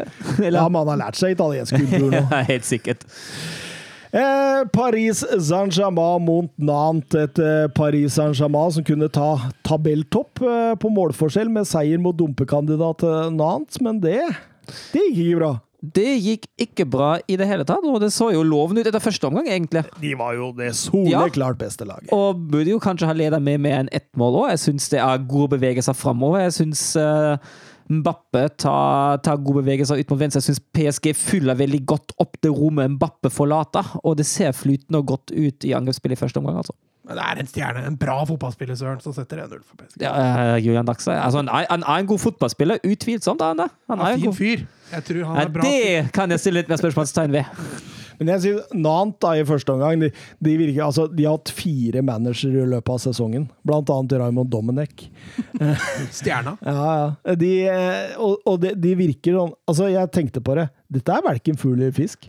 De, de, de er prega av at her har det vært mange spillestiler og mange skifter inn. Og, og, og, og det eneste som var igjen egentlig av dem, var jo kontringer, og det var jo der. Og så PSG røyk. Ja, jeg vil jo påstå at det er en litt flau pasning fra Mbappe der, som Ja, den var, den var stygg. Den var stygg. Ja. Hva, tenk, hva tenker du? Er det, er det, er det ren undervurdering at mot en sånn motstander Det går det virka bra? nonsjalant. Det Ja. gjorde det. Det virka liksom sånn ja, en ligge ø. tvers over Ja. der på, på 30 meter, som slås nesten rett i beina på en annen spiller. Altså. Kolo Monani som setter eh, 1-1 der, før Moses Simon setter eh, 2-0. eh, Og det er også så enkelt. liksom Lafont utspill, stusses av Traore bakover der, og, og får bare gå og løpe fra Kim Pembe og Veldig lett mål å få. Veldig. Ja, veldig, veldig. Ja. Så Pochettino har nok å jobbe med, altså, Mats. Ja, men jeg, jeg, det er liksom så rart, fordi jeg kjente Altså Det laget jeg så på kamp nå, da, det var så fryktinngytende og så respektløst overfor motstanderen. Jeg har ikke sett PSG i nærheten av det nivået etterpå. Verken i Ligue Ø eller i returoppgjøret i Champions League. Jeg syns det var milevis unna. Ja, Med tanke på motstanden her òg, så er det jo ikke bra nok. Men det skal jo sies at Lafont i Nant-målet var, eh, var banens klart beste fotballspiller. Strålende, strålende kamp av keeperen. Fikk dere med dere hva som skjedde med Di Maria? Hvorfor han måtte ut? Nei. Huset hans blir rana under kamp. Og da fikk han beskjed om det. Ja, de, de, de hadde jo Det var jo mange kameraene på, på Leonardo og Pochettino. Leonardo som var, var febrilsk i telefonen, og Pochettino oi, må ta han ut, og forsvant rett i garderoben med ham. Og det var fordi han fikk innbrudd i huset sitt, rett og slett. Det var jo en del av det som var grunnen I til at han hata Manchester. Ja, men det var en del av det i England òg. Ja. Steven Gerrard fikk vel, eh, ble vel rana et par ganger. Mens Ja, han han blei jo rana et par ganger i England òg, han. vet du. Og ikke derfor- bra, altså. Dama hans sa jo at han var redd for å bo i Manchester. Var det ikke, var det, ikke det, men det så ut som en baksida på et kjøleskap? Ja, noe sånt, ja. Manchester og dama hans sa Manchester ser ut som på baksida på kjøleskap. Jonathan Hobber eh, sliter Pochettino med PSG-skuta. Eh, Kan være at de er litt mett i league Ø, og at Champions League gir mer motivasjon? Ja, det gjør det. Åpenbart. Eh, Men- på 16 kamper har Pochettino 11 seire, 2 uavgjort og 3 tap. Eh, de tre tapene har kommet mot Lorient, eh, Nant og Monaco. Ja, Monaco er jo, er jo godt i form, men de andre to altså Det lukter jo litt sånn undervurdering av det òg. Det gjør jo det. Altså, vi har jo vært Litt, litt mett. Ja, ja, rett og slett. at Går ikke 100% og da får du tap mot bunnlag nå. Men det er litt gøy med ligaen at det er så spennende Ja. jevnt, og så mange lag. Altså, det er jo fire lag som er på skuddhold av tittelen. Hadde det vært PSG som leda, så hadde du tenkt at dette sikrer dem til slutt, men eh, det er faktisk ikke det. Altså. Både Lille og Lyon spilte uavgjort, mens Marseille eh, rykka litt nærmere. Så kanskje vi får enda et lag opp i Nei, det er langt bak. Marseille Er vel 15 poeng Nei, de er 18 poeng bak Lill. Oi, dem er såpass, ja! Så Ja. det er det store gapet Ja, der, altså Så De topp fire blir topp fire, tror jeg. Det er jo riktignok bare 11 poeng fra Marseille til Monaco, men eh, jeg tror den, eh, den sitter nok. Det er bare sju kamper igjen. Paris Saint-Germain har tapt to hjemme på rad for første gang siden november. Veit du hvem som er trener for Marseille nå? For Marseille. Mm. Ja, ja, ja, ja, ja, ja, ja, det er jo han uh... Fader, jeg skulle tatt i quizen. Jeg tenkte jeg Ja, skulle ha det i men eh, åh. Jeg veit jo det. Søren. Ja, jeg vet det. Sampoli. Ja, Ja. Um, uh, og Mbappe um, Han skårte mål nummer 100 uh, for seg i league Ø. Og det er ingen Mbappe? Ja, Mbappe. Draxler som skåra. Ja. Eh, to sekunder. Det var en tabbe i Natsforsvaret, og Draxler feide inn to. Det var Mbappe sitt kamp nummer 100 oh, ja, ok! i ligaen.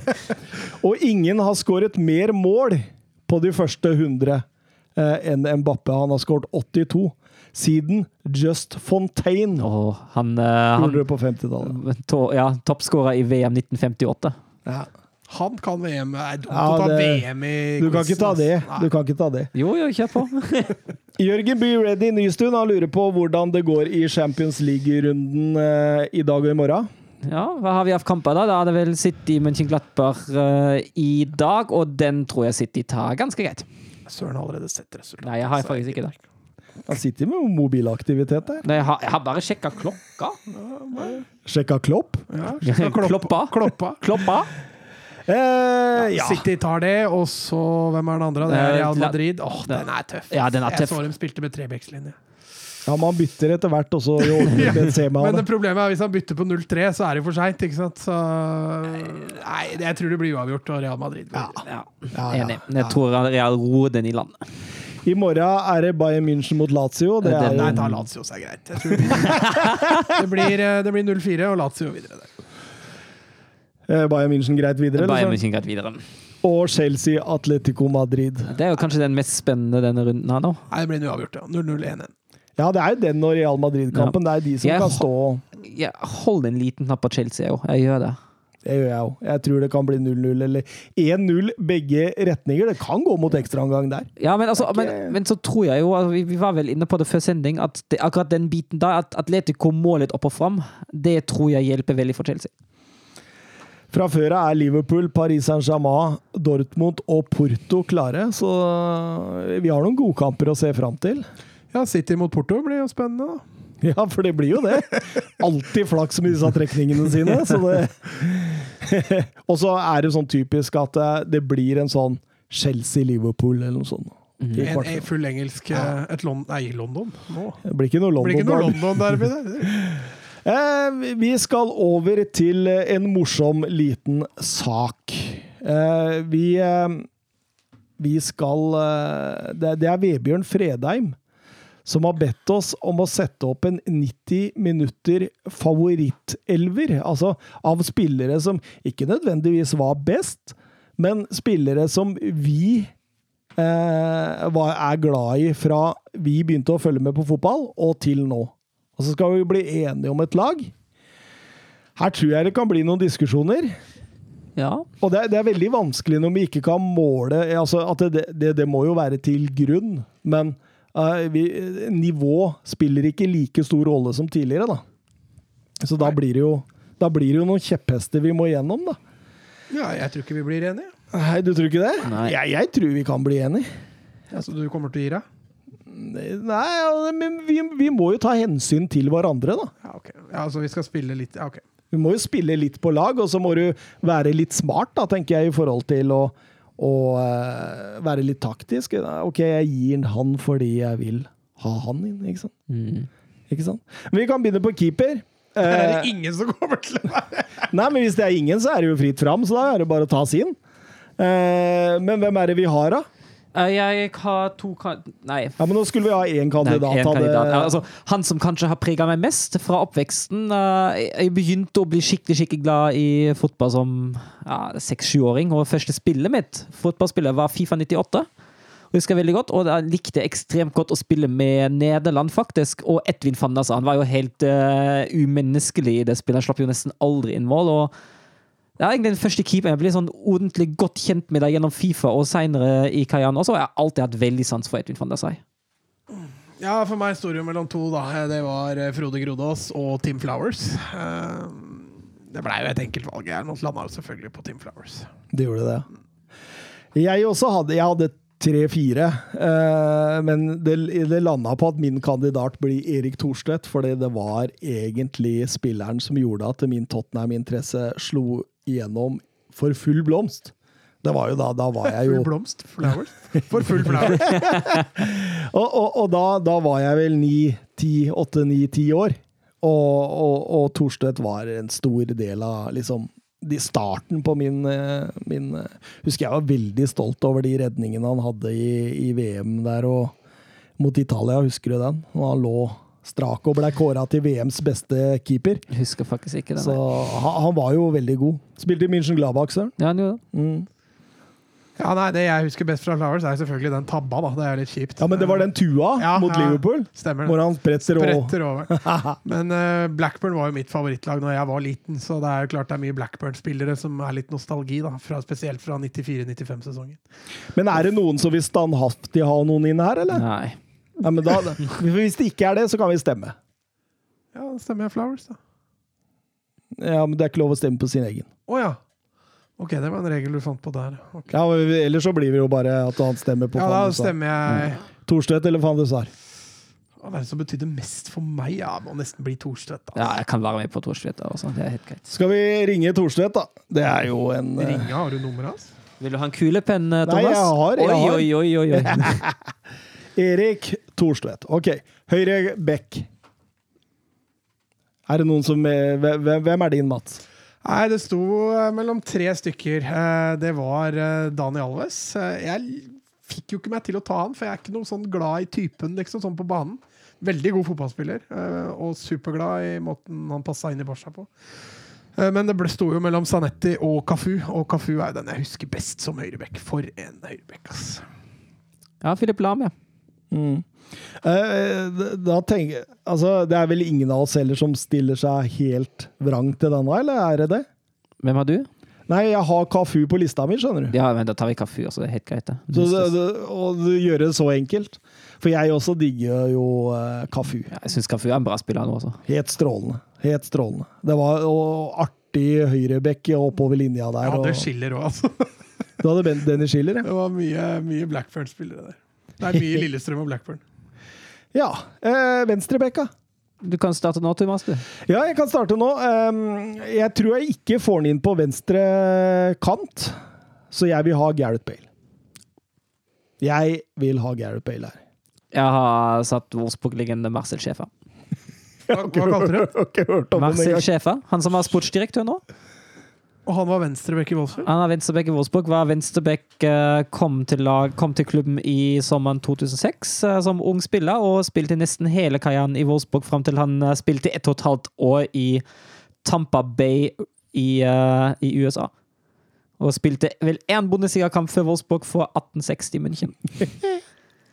Men han var med jo på gullaget i eh, 2009-sesongen. Ja. Hvem har du på venstreback? Jeg har selvfølgelig Graham Lesault. Ja. For en fantastisk spiller når han var i Blackburn. Eh, falt dessverre litt igjennom i, i Chelsea, men eh, han var spiller liksom alle likte, tror jeg, i Blackburn. Eh, offensiv. Eh, god defensiv. husker jeg. Men, eh, lander i hvert fall på han, selvfølgelig. Det var ikke så mange alternativer der. Hadde. Nei, nei, nei. Um, jeg har veldig lyst til å ha Gareth Bale inn. Jeg vil i hvert fall ha en Wolfsburg-spiller en seinere, bare så det er varsla. Hvis jeg ikke får sjefen, vil jeg ha en annen. Og da gjerne en spiss. Oi! Vi legger slag på en spiss! Ja, Ja, det tror jeg ikke du får. ja da vil jeg ha en sjefer. Ja, hva Mats? Hva med deg? Schæfer eller altså, Bale? Schäfer veit jeg jo ingenting om. Jeg har aldri sett han spille, da. Eh, Men, men bare sånn for å ikke få inn en spiss Er det fristende å stemme på Schäfer? Men uh, den sitter jo langt inne. Jeg har aldri sett Schæfer spille. Søren. Var han god, eller? han var jo fast i en, uh, i en god Åssen periode. backtype var han? da? Eh, ganske offensiv uh, backtype. Hadde god skuddfot i tillegg. Eh, gode innlegg.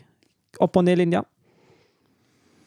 Ja, men da stiller Søren seg hardt til den, da. Så da Ja, ja, ja, fordi det er, det er en av to Wolfsburg-spillere jeg har virkelig på lista. Og den andre vet jeg ikke får inn, så den vil jeg ha. ja, jeg tror ikke du får inn spissen der, Nei. altså, fordi det er Tsjeko, eller? Ja. ja Men jeg vil, jeg vil, ha, det, jeg vil ha en Wolfsburg-spiller inn. Ja, Ja, får vi ta Schæfer, da. Schæfer for Bale. Sorry. Nei, nei, men det er jo du som får stå for dette, Søren. Ja. Eh, stoppere. Ja, der var det, var det et par stykker å velge mellom eh, i forhold til eh, Altså, Rune Bratseth var fantastisk god. Jeg husker han så utrolig godt fra landslaget. Sånn veldig sjelden i Bremen. Men for en stopper. Uh, men samtidig, husker du, han la jo opp før VM i 98. Mm. Eh, så jeg sleit litt med å lande på han. Jeg hadde også Torgeir Bjarmann. Han betydde jo veldig mye når hun var Fugla-fan. Eh, men jeg kjenner jo at jeg dabber, vrir jo litt over på kvalitet, da. Eh, så for meg så blir det Colin Henry. For en ikonspiller det var i Blackburn. Det han var var deilig. klassetype. Han var deilig. Og Carles Pjoll. Da har jeg to sånne ikoner på stopperen. Puyol har jeg også, og Puyol er jeg helt enig i. Puyol er en spiller som uh, jeg husker, altså, Det er ikke bare en spillertypen, altså utseende og utstråling han har på banen, som, har, som jeg syns har vært helt klasse og helt konge. Men når to stykker har samme spiller, så er det jo banka. Det er jo Kan du ikke la Colin Henry altså? Sorry. Så da blir det Puyol. Uh, jeg har Ledley King. Den er også ganske viktig for meg. Ja. Det er jo en eh, legende. Og ja, altså, Tiara Ry har jo sagt at det er den vanskeligste motstanderen han noen gang har hatt. At uh, han var en sånn stopper som du førte, førte ballen framover. Og, og regna med at nå kom du til en stor sjanse, og så var bare ballen borte. Du visste ikke hva som hadde skjedd, og så så du Ledley King dro av gårde med den. At- Nei, men Ledley King han trente vel heller ikke, han. Han Nei, han, han. han hadde bare ett kne, vet du. Ja. Det er vanskelig å trene da. Nei, altså, jeg kan godt gå med på King. Han var et ikon, det, ja. Og, og, og tenk å være Altså ikke trene, og likevel spille fast på det engelske landslaget til VM. Er han ikke i, i apparatet rundt laga? Jo, nå Mourinho tok han opp fra ambassadør til trener. Så veldig artig å se Ledley King stå også og gi direktiver på sidelinja der til Forsvaret. Eh, nydelig spiller. Eh, han, han har jeg veldig lyst til å ha inn. Og, og King og Puyol, det er jo et nydelig stopperpar. da. Ja, det det. Morsomt, det. Og det er fart, og det er eh, duellstyrke, og det er alt. Ah, nydelig. Høyre kant. eh, skal jeg begynne der, eller? Ja, kjør på. Jeg sleit litt om jeg skulle ha Darren Anderton eller David Beckham. Eh, Darren Anderton fordi det var et stort ikon for meg som, som ung fotballfan. Eh, husker blant annet han skudd stolpe, stolpe inn mot Sverige. Det var helt nydelig. og Han, han var jo en sånn teknisk slepen, briljant spiller som kunne minne deg litt om Glenn Hoddle, Chris Waddle, den generasjonen og de spillerne der. Men, men samtidig så har jeg alltid vært svak for David Beckham. Eh, alltid synes at eh, han eh, det, det, det har alltid vært litt inni meg, selv om han spilte i Manchester United. da som var litt sånn, Det var litt kjærlighet. Jeg håpa han skulle gjøre det bra. Jeg, det var litt sånn, Kunne sitte og se på Manchester United-kamper i Champions League da Tottenham var langt unna Champions League. ikke sant? Og, og sitte og håpe at uh, David Beckham gjorde det bra. og Husker til og med jeg jubla hemningsløst når han skårte det der viktige seiersmålet mot Hellas. Den, ja. ja. Men han fikk jo så jækla hard medfart òg, av de engelske tabloidene. Så du følte litt med Ja, du fikk litt sånn medfølelse med han da, når han fikk så gjennomgå der. Eh, jeg har eh, vurdert å gjøre litt om, ja, da, for å få plass til Messi. Ja, Men han får vi jo plass til. Dytte han ned. Ja, men da får vi en spiss til, tenkte jeg bare. Mm. Så Å nominere han da på høyrekanten. Ok, for jeg har, Messi på, jeg har satt Messi på venstre, men jeg kan det var godt være med på å ta han på høyre òg. Det kommer an på hva dere har på venstre. da. Nei, der, der eh, på venstre er jeg glassklar. Ja, det er jeg òg. Ja, Da tar vi Messi på høyre, da. Ja, det er Messi på høyre. Den er grei. Fordi Da er det venstrekant. Ja, jeg får ikke mye av mine Nå, nå er jeg vinnere nå, spent så da fordi, altså, nå, nå har jo jeg min venstrekant over på høyre, så nå er jeg jo spent på deres to. jeg. Nei, For meg så er det selvfølgelig Ronaldinho. Eh, min store fotballkjærlighet i ungdommen. Eh, hovedgrunnen til at jeg blei Barcelona-fan, var overgangen fra PSG til Barcelona med Ronaldinho. Du sa den gang at du kunne vært United-fan. du. Og det er helt riktig. Eh, hadde han gått til United, så er det stor sannsynlighet for at jeg hadde begynt å følge For jeg var så glad i Ronaldinho. Den nærteknikken og spillformen og bare det at han ble kalt servitøren. Jeg, jeg, kjente, jeg kjente meg så mye igjen i han da når jeg spilte fotball sjøl. Mm. Så Ronaldinho er min kandidat. Søren. Det jeg hadde jo Messi. Jeg kan jo si at For the record hadde jeg faktisk satt Kevin De Bruyne på høyrekant. Ja. Kevin De Bruyne. Da du en gammel Wolfsburg-spiller, da. Ja, det Du er, maser om denne sjefen, da. for jeg vet at jeg ikke får inn noen av de offensive. For jeg vet at dere så har konkurranse om plassen. Nei, jeg har eh, Bale eller eh, David Ginola. Jeg klarer ikke helt å velge, men eh, det er det- altså min favorittspiller gjennom alle tider, kanskje. David Ginola. Han står jeg ganske kraftig på, faktisk. Og så spør en Barcelona-support om å avgjøre dette her. Den er nesten Ja, jeg, har jo, jeg har jo ikke fått så mye som jeg vil her foreløpig, da. Du, uh, men så du vil ha Ginola i stedet for Bale? Ja. Ja, men det er jeg enig med deg. Det er mer kult over eh, Ah, fy fanken for et spiller, da. Han, kunne, han kunne gjøre alt sjøl. Og han fløy der med det der lange, blafrende håret sitt Han og bare lekte. Ja, men han varierte jo, for han spilte jo på marginer. Og han var jo i overkant egoistisk. Ja, for å si det Men, mildt. men når det der, han der traff, så lagde jo altså han lagde jo kunstmål eh, annenhver uke. Og eh, den sesongen han har når han blir årets spiller der, den, den, det er ikke så mange som har nådd det nivået i forhold til det han gjorde der. Altså. Ja, men altså Hvem er det du hadde der, da? De Brøne? Nei, Messi hadde jeg på venstre. Oh, ja. Jeg har satt Messi på venstre. Men Hvem hadde du på høyre? De Brøne. De brøne. Ah, okay. Ja. ja. sånn. Så De Brøne er egentlig din kandidat på venstre, da? Nei, på, ja. Men du kunne jo satt han på venstre òg. Ja, for all del. Men altså, det, jeg, dere har nok sterkere emosjoner knytta til Ronaldinho og Gino enn Jeg har de, de Men her. når, når, når Ronaldinho for Mats møter Ginola for meg, det, det er nesten umulig å, å Det, det, jeg, jeg, altså, jeg føler at dere blir satt i en umulig situasjon her, men dere har sagt uh, før sendinga Dere hadde én spiller hver der dere sa at hvis ikke dere får den, går dere hjem. Eh, For ja, nei, men det var ikke Rinaldinho for meg, det. Nei, det, Nei, var, det var det var Shi- meg. Shia for deg, Mats, og det var Gino La for deg, Thomas. Og da tenker jeg at For eh, fredens skyld. for fredens skyld, og med tanke på hvor viktig det er for Thomas, da tar vi inn Gino La her, men så kommer jeg til å stemme på Shearer på spiss. Ja, men Shearer er greit for meg òg. Jeg syns Shearer var helt enorm. Ja, altså. Den eh, skåringsrekorden han har der, den eh, Ja, det kan, Harry Kane kan ta den om noen år, Jo, man kan det. men da må han fortsette i, i god, eh, god Ja, Så tror jeg kanskje det lønner seg at ikke Mourinho er treneren hans, faktisk. Ja, nå gjør han jo godt med målpoeng selv med Mourinho. Ja, Men det er på tross av, ikke på, tross ikke på grunn av. Ok, sentral midt. Jeg lander på to, uh, som har prega meg som forholdsvis ung fotballsupporter veldig, og det er Xavi og Iniesta. De, den Barca midtbanen bak Lionel Messi. Ja, jeg har Chavi. Xavi. Eh, den spilleren der Altså, én ting er hvordan han påvirka Barcelona. eh, men for en deilig fotballspiller han var. Og det kan du selvfølgelig si om Iniesta òg. Men eh, det var liksom litt mer ikonisk over Xavi, følte jeg. Det var liksom noe Han sto for en helt egen spilletype da, eh, som det var så få av i verden. Det var liksom bare han og Pirlo som representerte den. Jeg hadde selvfølgelig også veldig lyst til å ha inn Iniesta, så hvis jeg må velge, så blir det et lett valg. Men jeg har faktisk med Zidane, Også. Zidane, ja. I stedet for, for det. Altså, for en kultspiller. Selv om han var for Real Madrid, og jeg på den tida også var liksom pro Barca, så jeg gleda meg å se Real Madrid hovedsakelig av Zidane. Men jeg slår deg i kultspiller, skjønner du. For her snakker vi Paul Gassa Gascoigne. Og noe mer kultspiller, det får man ikke, altså. Og Men Chavi har du spikra? Hæ? Chavi har du spikra? Jeg tenker jo at begge har jo Xavi, så, så den, den er jo spikra. Hvem hvem var din andre ved siden av Gascoigne? Eh, Luka Modric. Men du vil heller ha Gaza enn Modric? Ja, ja, ja. ja, ja, ja. For, Det, det er lurt av deg. Det er litt mer, litt mer For- svung over Ja, det. men, al altså, tenk, tenk historien Paul Gascoigne. Tenk fattiggutten som eh, slår seg opp i Newcastle, blir solgt til Tottenham og er et helt sirkus av en personalitet. Altså, han er jo, han er jo definisjonen på et sirkus. Altså, du, du slipper strutser løs på treningsfeltet. Du driter i keeperhanskene til Erik Thorstvedt.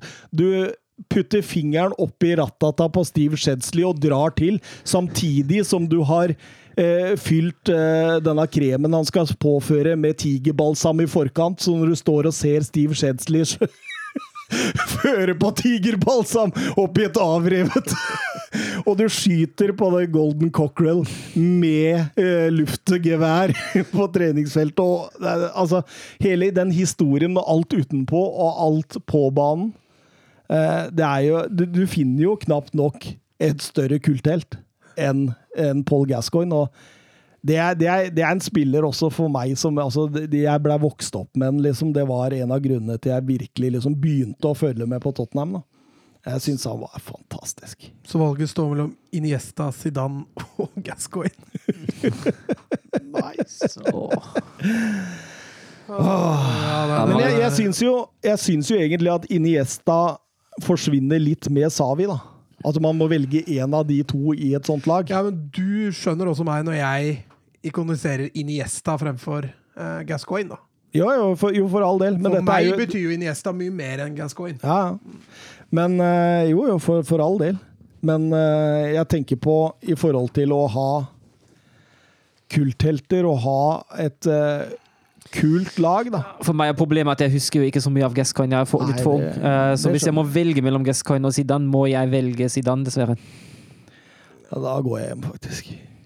Hvis det blir Zidane i forhold til Nei, Paul men Gascoigne på sånt lag. jeg kan føle meg at det blir Iniesta eller Gascoigne, men jeg, jeg må si altså, Hvis jeg velger Gascoigne, da, så er det mer i empati til deg, Ja, ja. for det betyr mye for deg. Uh, men siden jeg har fått Xavi, så kan jeg godt kjøre Gassa. Altså. Det er jo en deilig midtbane, da. Ja da, for. Xavi og Gaza. Gascoigne er ikke noe dårlig, dårlig valg. Nei, det er, jo, det, er, det er jo den kuleste spilleren utenpå banen på dette laget, da. Mm.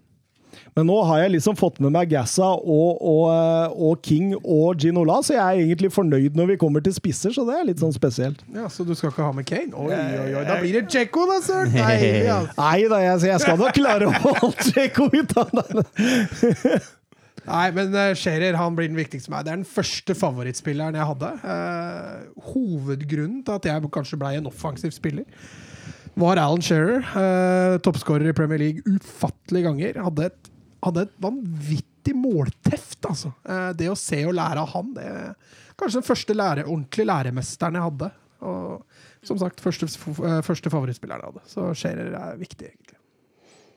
Hva sier du, Søren? Ja, altså jeg kan godt være med på Sheria. Mine to er jo da selvfølgelig Edin Djeko, uh, legenden. Og så sto det egentlig mellom to. Den ene var Thierry Henry. Uh, husker at jeg sto som kid på, på fotballbanen, og vi prøvde med noen kompiser å etter, etterligne den syke, syke skåringa han hadde da han uh, var det mot United. Den, uh, den han hadde i Premier League. Mm. Når han vippa han opp Ja, ja, ja. og- Den, vi, vi prøvde en hel ettermiddag å gjøre akkurat det samme som ham, og det, er- det er helt sykt. En av uh, store store spillere. Det andre jeg hadde, var faktisk uh, Miroslav Klause, men jeg tror kanskje jeg faller på JK og Rida. også. Jeg husker, eh, eh, for å snakke om en annen, eh, som liksom, det er nesten litt fælt, men jeg digga Dennis Bergkamp. Husker du det målet hvor han feilvendt? Vipper den rundt og tar den igjen på andre sida. Men den første touchen til Bergkamp Har vi hatt spillere som har bedre første touch? Nei, jeg tror ikke det. Jeg tror ikke det. Men han var Arsenal-spiller, så han kan ikke på dette laget. det samme gjelder Ari da. Men eh, ja, jeg har så mange. Jeg har Lineker, Klinsmann, Kane, Totti, Sheringham, Ronaldinho hadde jeg der, da. Eh, Berbatov, Batistota Batistuta, Robbie Keane. Det er mye, mye. Mye Tottenham der, hører du. Men det er ikke så rart. Nei, det er, ikke så mye, det er ikke så rart, men Tottenham har jo vært blest med mange gode spiser da, opp gjennom tida. Ja, har det. Eh, Hadde du ikke med Scherer, altså? hæ? Hadde du ikke med Scherer? Eh, jeg tenkte du tok den, akkurat som Messi. Hadde ikke med Messi, for den tenkte jeg skulle gi til deg. Ja. Eh, så da må vi finne Vi må finne partneren til uh, Scherer, da. Ja. Ja, jeg har fått Scherer, jeg. Så jeg Du er fornøyd? Jeg er fornøyd, ja. Ok, Men hvis vi da sier til Søren at vi bytter sjefer med Seko og Bailey, ja, kjør på. skal vi gjøre det, eller? Edin Dzeko. Da fikk jagge Thomas valget sitt der og nå har han Ja, men det halve er, laget. vet du hva, det er helt greit. Så Jeg fikk, det, det jeg fikk Edin Dzeko, er viktigste for meg. handler jo om å være taktisk, Mats. Ja, men da hadde jeg stått hardere på Ronaldinho. Ja, deilig. Deilig. Men da blei laget sånn, Mats. Torstvedt, Bale, Ginola Ja, men Thorstvedt kjempa jeg ikke for. Du må, du må jo ta de jeg kjemper Altså, han bare fikk vi, ikke sant? Kan vi, ta, det var, det, var kan vi, vi, kan vi stoppe the count, og så tar jeg Team Flowers sine? Men eh, da blir det Thorstvedt i mål. Kafu på høyrebekken. Gareth Bale på venstrebekken. Puyol og Ledley King stoppere. Så blir det Messi høyre, Ginola venstre, Gassa og Xavi eh, sentral midt. Og Scherer og Seko på topp. Det er litt småsexy. Det er det. Det er det. Det er fotball- deilig. Fotballgodteri, det. der. Da kan vi spørre det- det- Topp tre spillere som ikke er på laget som du ville hatt med? Iniesta. Mm. Uh, faktisk uh, sjefer. Kjemper jo ganske kjemper ganske ja, Wolfs, Wolfs, det er jo Jeg må google den Ja, sjefen. han, er jo, han er jo en Wolfsburg-legende. Han er jo det. Eh, sportsdirektør i klubben og hele pakka. Så han er jo, han er jo veldig veldig godt likt eh, blant Wolfsburg-supportere av f- flere grunner. Og en tredje og kanskje til og med Thierry Ori. Du har Mats. Jeg brant jo ikke så mange, da, men det er klart Ronaldinho var det kjedelig å ikke få inn. Uh, han syns jeg absolutt kunne vært med der. Og så syns jeg selvfølgelig også Zidane uh, betydde mye for meg. eh. Så Ronaldinho og Zidane er vel kanskje de to største savnene. sånn sett, Og Colin Henry, selvfølgelig. Mm. Ja, de tre. Jeg, det er vel Lineker, Kane og Beckham, tror jeg faktisk. Ikke Anderton også? Ah, Jeg falt jo til slutt på Beckham, men det var mest for å lure dere med. oi, oi, oi. Vi begynner å nærme oss tre timer. Jeg har vel fortsatt ett programpunkt igjen, da. Det er denne draften vår. ja. Skal vi dra over tre timer i dag, altså? Virker, virker lovende. Ja, toget går først om, et- først om en time, så jeg fortsatt litt tid. Du, du, du har god tid, du. Ja, ja, ja. Ja, nei, men eh, da begynner vi med Serie A-draften vår, da. Eh, det begynte jo sånn at vi måtte kjøre stein, saks, papir eh, på siste. Ja, jeg endte vel litt uheldig denne gangen. Jeg var heldig i Premier League, uheldig nå. Ja, for det var jeg som var heldig og fikk eh, begynne med å kapre Ronaldo. Ja, det stemmer. Jeg ble jo da nummer to, så da tok jeg selvfølgelig Zlatan. Ja, og jeg som nummer tre måtte ta Romelo Lukaku. Mm. Og da var de tre beste spissene i Serie A tatt. Og eh, da, Du gikk løs på den fjerde! da tenkte jeg nå kan jeg skaffe meg toppare her, så jeg valgte eh, Lazaro Martinez med en gang. Det var bare å seile den, liksom. Og da visste jo jeg at Milan var jeg ferdig med. Dere hadde vært ferdig med Inter. Så tenkte jeg Juventus de har flere spillere jeg har lyst på, så her kan jeg vente litt. Så da prøvde jeg å tenke litt smart i forhold til posisjoner hvor jeg trengte. Så jeg valgte først å gå for Milenkovic Savic. Eh, En av de mest komplette midtbanespillere i eh, Serie A. Mm. Og jeg tenkte litt det samme som deg. Jeg tenkte også Juventus. Det kan jeg vente litt med. Da er det flere som jeg har lyst på som jeg kan bruke på forskjellige posisjoner. Og så så jeg litt på posisjoner der det kan bli vanskelig. Og den første posisjonen som der jeg så et uh, bitte lite nåløye, det var venstrebekken, og da måtte jeg bare klinke til med Theo Hernandez. Den etter min mening beste venstrebekken i Serie A. For all del. Og uh, da tenkte jeg OK, nå går de løs på venstrebekken her. Og eh, jeg, jeg tenkte jo det at nå er det én veldig bra igjen, og så er det masse, masse middels. Men du må jo ofre litt. Og jeg ville ha den beste stopperen. Eh, Da hadde jeg den beste spissen og den beste stopperen, så da valgte jeg Kolobali. Jeg er ikke helt enig i at han er den beste stopperen, men eh, det er hver sin smak. Er du ikke, hvem er bedre i Serie A enn han? Så på stopperen? Ja? Ja, nei, Du har et par i Juventus, i hvert fall. Som er bedre enn Kolobali? Ja, As we speak? Ja, maksnivå. As we speak? Nei, kanskje ikke formen, da. Kanskje Koulibaly har bedre form. Det kan godt hende. Ja, men sånn i forhold til de siste to-tre åra òg? Ja, ja. Så Kelini holder jo et skyhøyt nivå, da. Bonucci òg, liksom. jo da, men uh... Altså, også, ja, jeg har tatt et par, jeg òg, da. Så, Ja, ja. Ja. Nå har ikke jeg nevnt dem ennå. Av uh, solidaritet. Nei, jeg tenkte jo da da er det jo bare én virkelig god venstrebekk igjen. eh, så da kasta jeg meg over uh, Gåsen. Så jeg var litt glad for at du ikke tok han. faktisk. Jeg Ja. tenkte du kom til å ta han da. Nei, jeg ville ha Hernandez, ja. Nei, så jeg tok meg over han, og du kasta deg over den nest beste stopperen din. da lo jeg! Du lo. Eh, jeg kjørte litt eh, din taktikk fra Bundesliga, Thomas. Eh, Ja, ja. For jeg ville ha Chris Smalling, en eh, spiller som er kjent fra Premier League. Og jeg, syns jo han har gjort det greit i Roma, ja. Så, Ja, ja, for all del. Jeg syns han, eh, han er et solid valg bak deg. Og litt kjent navn inn deg, det tror jeg er et lite boost for laget.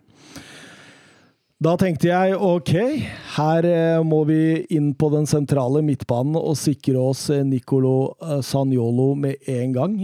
Den Serie A's mest sexy fotballspiller.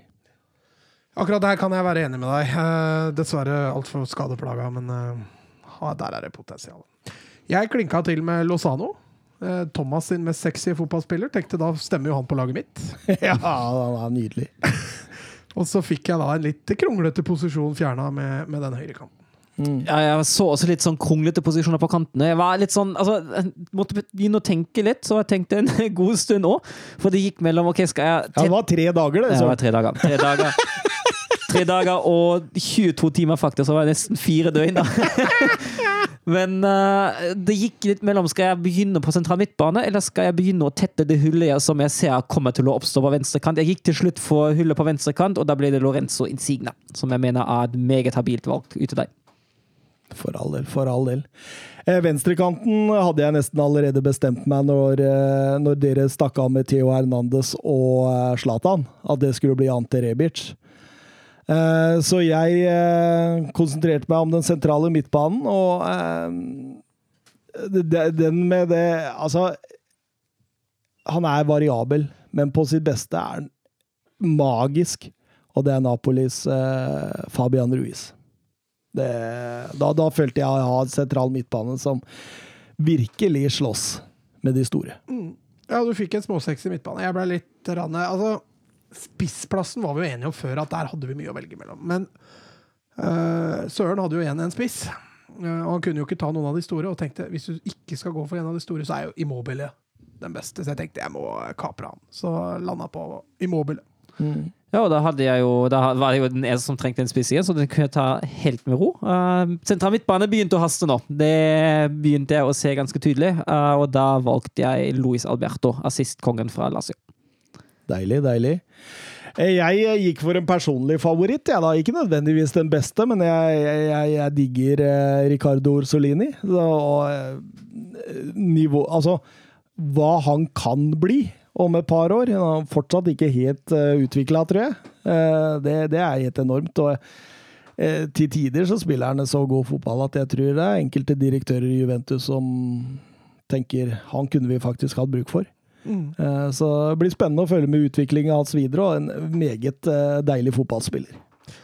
Ja, jeg tok uh, Serie kanskje nest største stoppertalent. Uh, tenkte litt youth inn i stopperrekka og gikk for Christian Romero, tidligere Juventus-spilleren, som nå er i Atalanta. Og da ble jeg sjeleglad, for jeg ville ha en, en høyre bekk. og da så jeg, Det er også en av de posisjonene jeg potensielt kan bli litt uh, kronglete, og da valgte jeg Hans Hatebo, en av de høyre bekkene jeg mener er helt der oppe i serien. Og da blinka det lys hos meg på høyrebekken, så jeg sikra meg Giovanni Di Lorenzo med en eneste gang. Ja, det var en nedturrunde for min del, for når jeg tok Romero, så sto det mellom han og Hattebor. Så det var litt kjipt når jeg så kanskje to av de bedre høyrebekkene. Hadde du valgt hadde bord, så kan det godt hende Romero hadde stått et par runder Helt til. riktig. Ja. Så det er mulig jeg var litt forhasta der. Eh, Jeg tok da og tenkte nei, da skal jeg ha inn noe skikkelig ikonisk. Eh, Og siden Zlatan hadde jeg allerede, så jeg kunne jo ikke ta han igjen. Så da gikk jeg for Frank Ribberi. Deilig. Det er en, eller var en deilig Ja, fotballspiller. ja. Og i likhet med deg, når du tok Aubameyang ikke årets sesong, men forrige sesong var det han du valgte på laget. Eh, Jeg har valgt Ribery da for fem år siden. ja, deilig. Da, da, da Men det var det ikke Serie A, da. Eh, Nei, jo, nei. Jeg er tilbake på Bundesliga. Hvem er det han hadde på venstrekant i Bundesliga igjen? nei det husker jeg ikke. Nei, uh, Leon Bailey. jeg måtte fortsatt stappe litt hull på en defensiv midtbane. Nå hadde jeg jo en som var litt mer offensiv retta, og så fant jeg en som var veldig variabel òg. Manuel Locatelli i Sassolo. En fantastisk fotballspiller. Eh, Nydelig å se på. Jeg tror ikke han avslutter karrieren i Sassole mener at han er for god til å være der, kanskje allerede nå til sommeren. Eh, Fantastisk eh, spiller. Det, det, det ligger jo litt i samme gata som Orsolini. ikke Ja. sant? At Der velger man noen favoritter som vi liksom virkelig kan slå igjennom i løpet av et par år. da. Jeg fant ut at nei, nå får vi sikre oss keeperen min før den For jeg, jeg hadde jo proklamert eh, på forhånd at han skulle jeg ha. Og så var jeg litt redd for at dere skulle av rein, pur faenskap rett og slett stjernen for meg, så det gikk for eh, Dragowski i mål. Ja, da skjønte jeg at du var inne på keepere. eh, Og siden vi ikke kunne velge keepere fra, fra de tre store, så tenkte jeg at da måtte jeg sikre meg det som i mine øyne er den beste keeperen i Serie A, hvis du ser bort fra de, bort fra de tre store. Juan Mosso i eh, Å, herregud, hvordan holdt jeg på å si Torino? Odinese. Odinese, selvfølgelig. Eh, så jeg sikra meg han. Ja, Da fikk jeg en rolig runde, for jeg var en SME-keeper igjen, og det var helt greit. Kunne vente litt med den, men uh, trengte fortsatt en stopper. Uh, og da begynte det jo å haste litt, siden da hadde dere også en plass åpen, og da gikk jeg for Francesco Akerbi, meget solid i Lazio. Ja, litt undervurdert, han. Ja, syns det. Jeg eh, kjørte Gianluca Manzini, da, for jeg tenkte at da, da, da var stort sett alt spikra for meg utover. For jeg, jeg trengte en stopper, og, og jeg trengte en venstre bekk. Og han venstrebekken hadde jeg allerede sikra meg, fordi dere eh, var ferdig der. Og jeg hadde Milan i forhold til min kantspiller, så det, det hadde full kontroll nå. Ja, jeg blei jo ikke stressa, det er å ta i, men jeg skjønte Jeg trodde jo egentlig jeg hadde Juventus for meg sjøl.